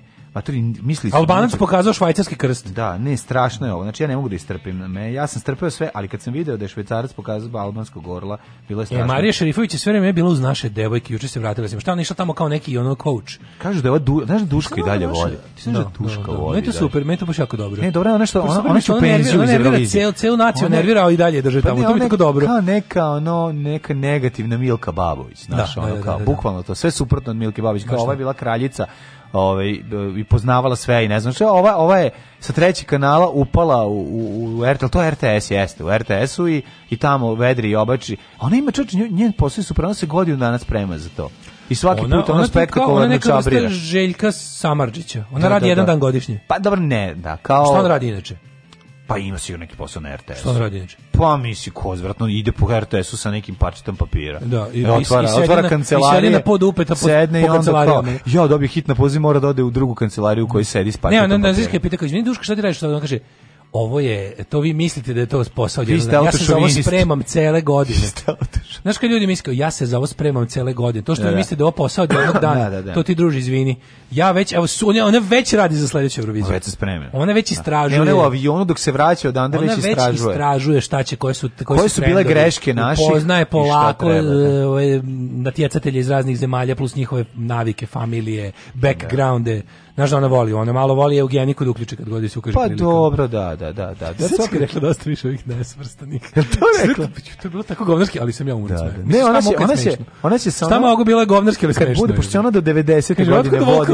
Kaže, otkud volka ovih nesvrstanih. Kaže ona 90. godine, ona se u 90. voditi i onda će onako kao ona baba na klipu kad kaže baba, baba reći, ona ona kaže haj Hitler. Da, da, da. Tako će ova ono nožica srebrenica. Ajde, smo videli nju ne, nju nekada van Eurovizije, u nekom drugom kontekstu. Recimo da je pozovu da A pa ne znam šta radi on. Hoću ti kažem sad. tragač da- u poteri. Da. Televizija ostane bez dinara. Mm -hmm. Ovaj e, znači oni su pove... e italijanski predsjednik nisam se drogirao. Mm -hmm. Pa i ne, znači mene mene jako povredilo što se on vadi.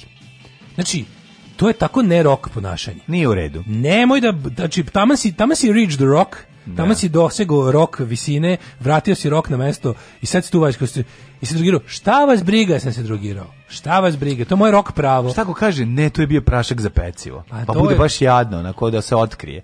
Da je htela samo da bude. A da, znaš da sad dosta stvari su instant.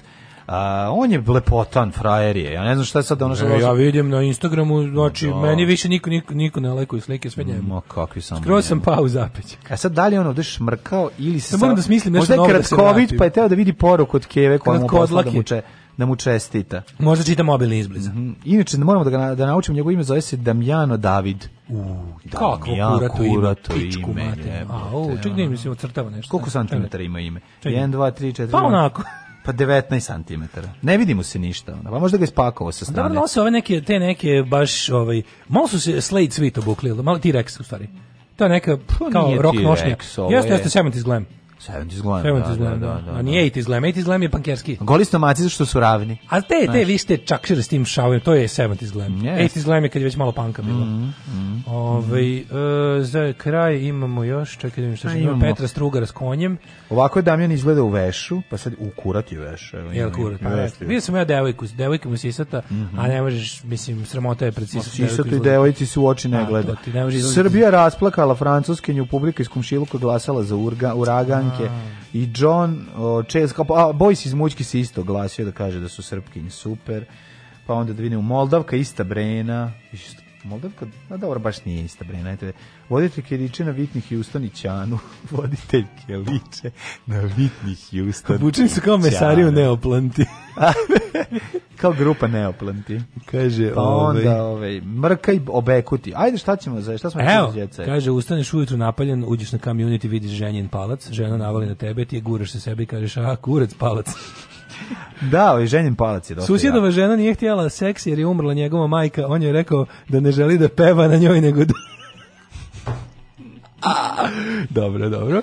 Čekamo ovaj. da po, ponesemo još jednu krunu. Kija se čula s majkom, ne znam šta je sad. Sad sam uzeo, tražim poreklo termina hot dog i vidim da se početkom 20. veka u Nemačkoj jelo pseće meso. Mm -hmm, mm -hmm. bio onaj fazon kad su bili mali. Ju, ti ja u Njurki, kupi hot dog i, kaže, i kaže, to ti vruć pas, a gdje baš od celog psa meni ovaj dio da zapadne? mm -hmm. Dobro, nisi čuo fazu, nije čuo gađao znači. Nisam. Pokušavam da vidim šta se dešava sa Mrkom i Bekutom. A šta se dešava? Na zapadu ništa novo. Pa ne, sve na zapadu okay. ništa I dalje, novo. ono, Mrka klasika, ono, tim koji pobeđuje trebalo je davno promeniti. Ove, ovaj, bendu Lazy James od, odskočna daska bila je kontra show. Nemoj me zezati. Na, da, da, Šta da, da kaže Lady James? Lazy. Lazy James. Šta kaže? Mlade nade muzičke scene. Ne možemo nabaviti njihovu kazetu. Grgurović. -hmm. Grupa je osnovana pre dve godine, a u materiju, stari već band, već ste matori. Da. Čine je četiri člana. Počelo je tako što smo shvatili da smo svi umetnici da treba pevamo zajedno, da, kaže muzičar. Super stvari. Kaže, spojili hip-hop, hop-cup muziku, kako bi rekli, i pop. Đorđe Grgurović kaže. Znači hop cup muzika. Da, volim da vas podsetim. Ali ima da jugoslovenska zastava dole, Gari e, O, naši su, a? Ali da li jugoslovenska zastava kao tabure ili jugoslovenska zastava kao kanta za smeće? Da li ovo simbolika? Nešto tako da je cool je. Mm, cool mm, su, da, meni. tako da, dosta, dosta jaka. I ako su vam Sviđu pesme sranje, opet ćemo, nećemo vas toliko zajebavati ili imate jugoslovensku zastavu. Dobit ćete slobodni. Manje ćemo znači, zajebavati. Znači, 5% manje ćemo zajebavati. Da, Kao da. kad smo čak i rastu u jedno vreme nismo ga trpali jer je imao Jugoslavija pesmu. Da, da, da. Dobio je nedelju dana grace perioda. Mhm. Mm ali posle biti opet trpan surovo, naravno. A... E, vraćamo se u normalan život. Evo ih. Danas više uhapšenih nego zaraženih. Pokazuju tri prsta naše, ovi srpkinje, po sletanju u Beograd. Mi smo pobednice u jedinjenju jeste, region. Da. Jeste, da, da, da. Pa sad ga do, dodatno ga ujedinite s tri prsta. Da, da. Pojačite da. ga malo. E, hoću ti kažem da sportska elegancija i e, laganost putovanja ono što je karakteristično čekaj, čekaj, za devojke u avionu. Ne zezati da su na, da su da su ono često Hel, putujem avionom. Helanke, da. Da, da, da. helanke. Plišene helanke i trendže. O mi daj. Znači, znači su da su, znači da. da. su da često putuju avionom. Ovo što ti jako voliš. Ti znaš kako ja to najviše volim, da. Znači i, i, i ipak golest nek, neke su zadržale gole stomake. DROLJ. Al pokriju se kosom. One se pokriju kosom kad im je pa da, hladno. To sam skonta, e, zato sve devojke imaju tako ogromni guste kose. Zato meni je hladno bilo. Zato što ono mogu lepo se pokriju i ono kad krene da duva, ona napravi samo tri kruga, ono turban. I, da. i, i Turban Dance Squad. pa Turban Dance Squad i njima se ne prehlade se u avionu, Ja se obično prehladim od tog hladnog da, duvanja. Da, ali fore što viš, oni znači znači da su polako. Ti znaš kad vidiš, kad vidiš ženu i muškarca koji su jako lepo sredili za avion, vidiš da ne putuju baš često. Da Nije, Nije to, to zato. Specijal, kad se lepo srede za avion. Ne lepo, hm, misliš kada događa. greškom uzmu cipele, a ne Postoje patike. Postoje ljudi kojima je putovanje avionom događaj i srede se kao za svadbu. A da. kako se prepoznaje? To se zoveš i svi ljudi. I nisu svi ljudi. Pa, ali, naši, 8, naš, 8. naši dobri gastosi. Ja sam, ovaj, kad se počne da furam trenerke na letovima, smatram se građaninom sveta. Ti si seljačino. A ostali mi smatram seljačino. Seljačino jedna, znači ti si onaj što kad ja ne znam gde treba da idem i gledam, ona sam vidim trendžu i patike, počnem da pratim i stignem do mog ja leta. Ja sam čovek putokaz. Ti si čovek sam, seljačina. Ti kad mene vidiš na međunarodnom aerodromu, znaš da je tu gate za Beograd. Ljudi, on je kod Galeba išu trendži. Sramota jedna neviđena. Znači, pa ja pa ja u prodavnicu hleb da kupim bez mamu za ne idem. Znam. A ne, ono, pa znači, pa Ali, je ovaj- u svoju obrambu imam da kažem da nam se domaćin dočekao u havajskoj košulji. Yes, što je svoje vrsta yes. za gornji, za, za, za gornji deo tema. Pa dobro, on čak došao iz inostranstva, baš ovaj, iz Hrvatske, u daleke nama sada već, pošto mi sad sve daleko, sve daleko dok da. je zatvoreno i ovaj, bio u tom letnjem raspoloženju. Ne, mi koji idemo u trenerci u avion, to znači da jako često putujemo. Ne, avion, to znači da ste jako često seljačine, a naročito tad kad letite. Aj zdravo. Ja sam Jala, brat. Zdravo. Alarm sa mlađim i Daškom. Alarm svakog radnog jutra od 7 do 10. Alarm. Oh, Tekst čitali Mladin Urdarević mm, i Daško Milinović. Ton majstor Richard Merc. Realizacija Slavko Tatić. Urednik programa za mlade Donka Špiček. Alarms svakog radnog jutra od 7 do 10. Oh, you touch my tra-la-la. la la la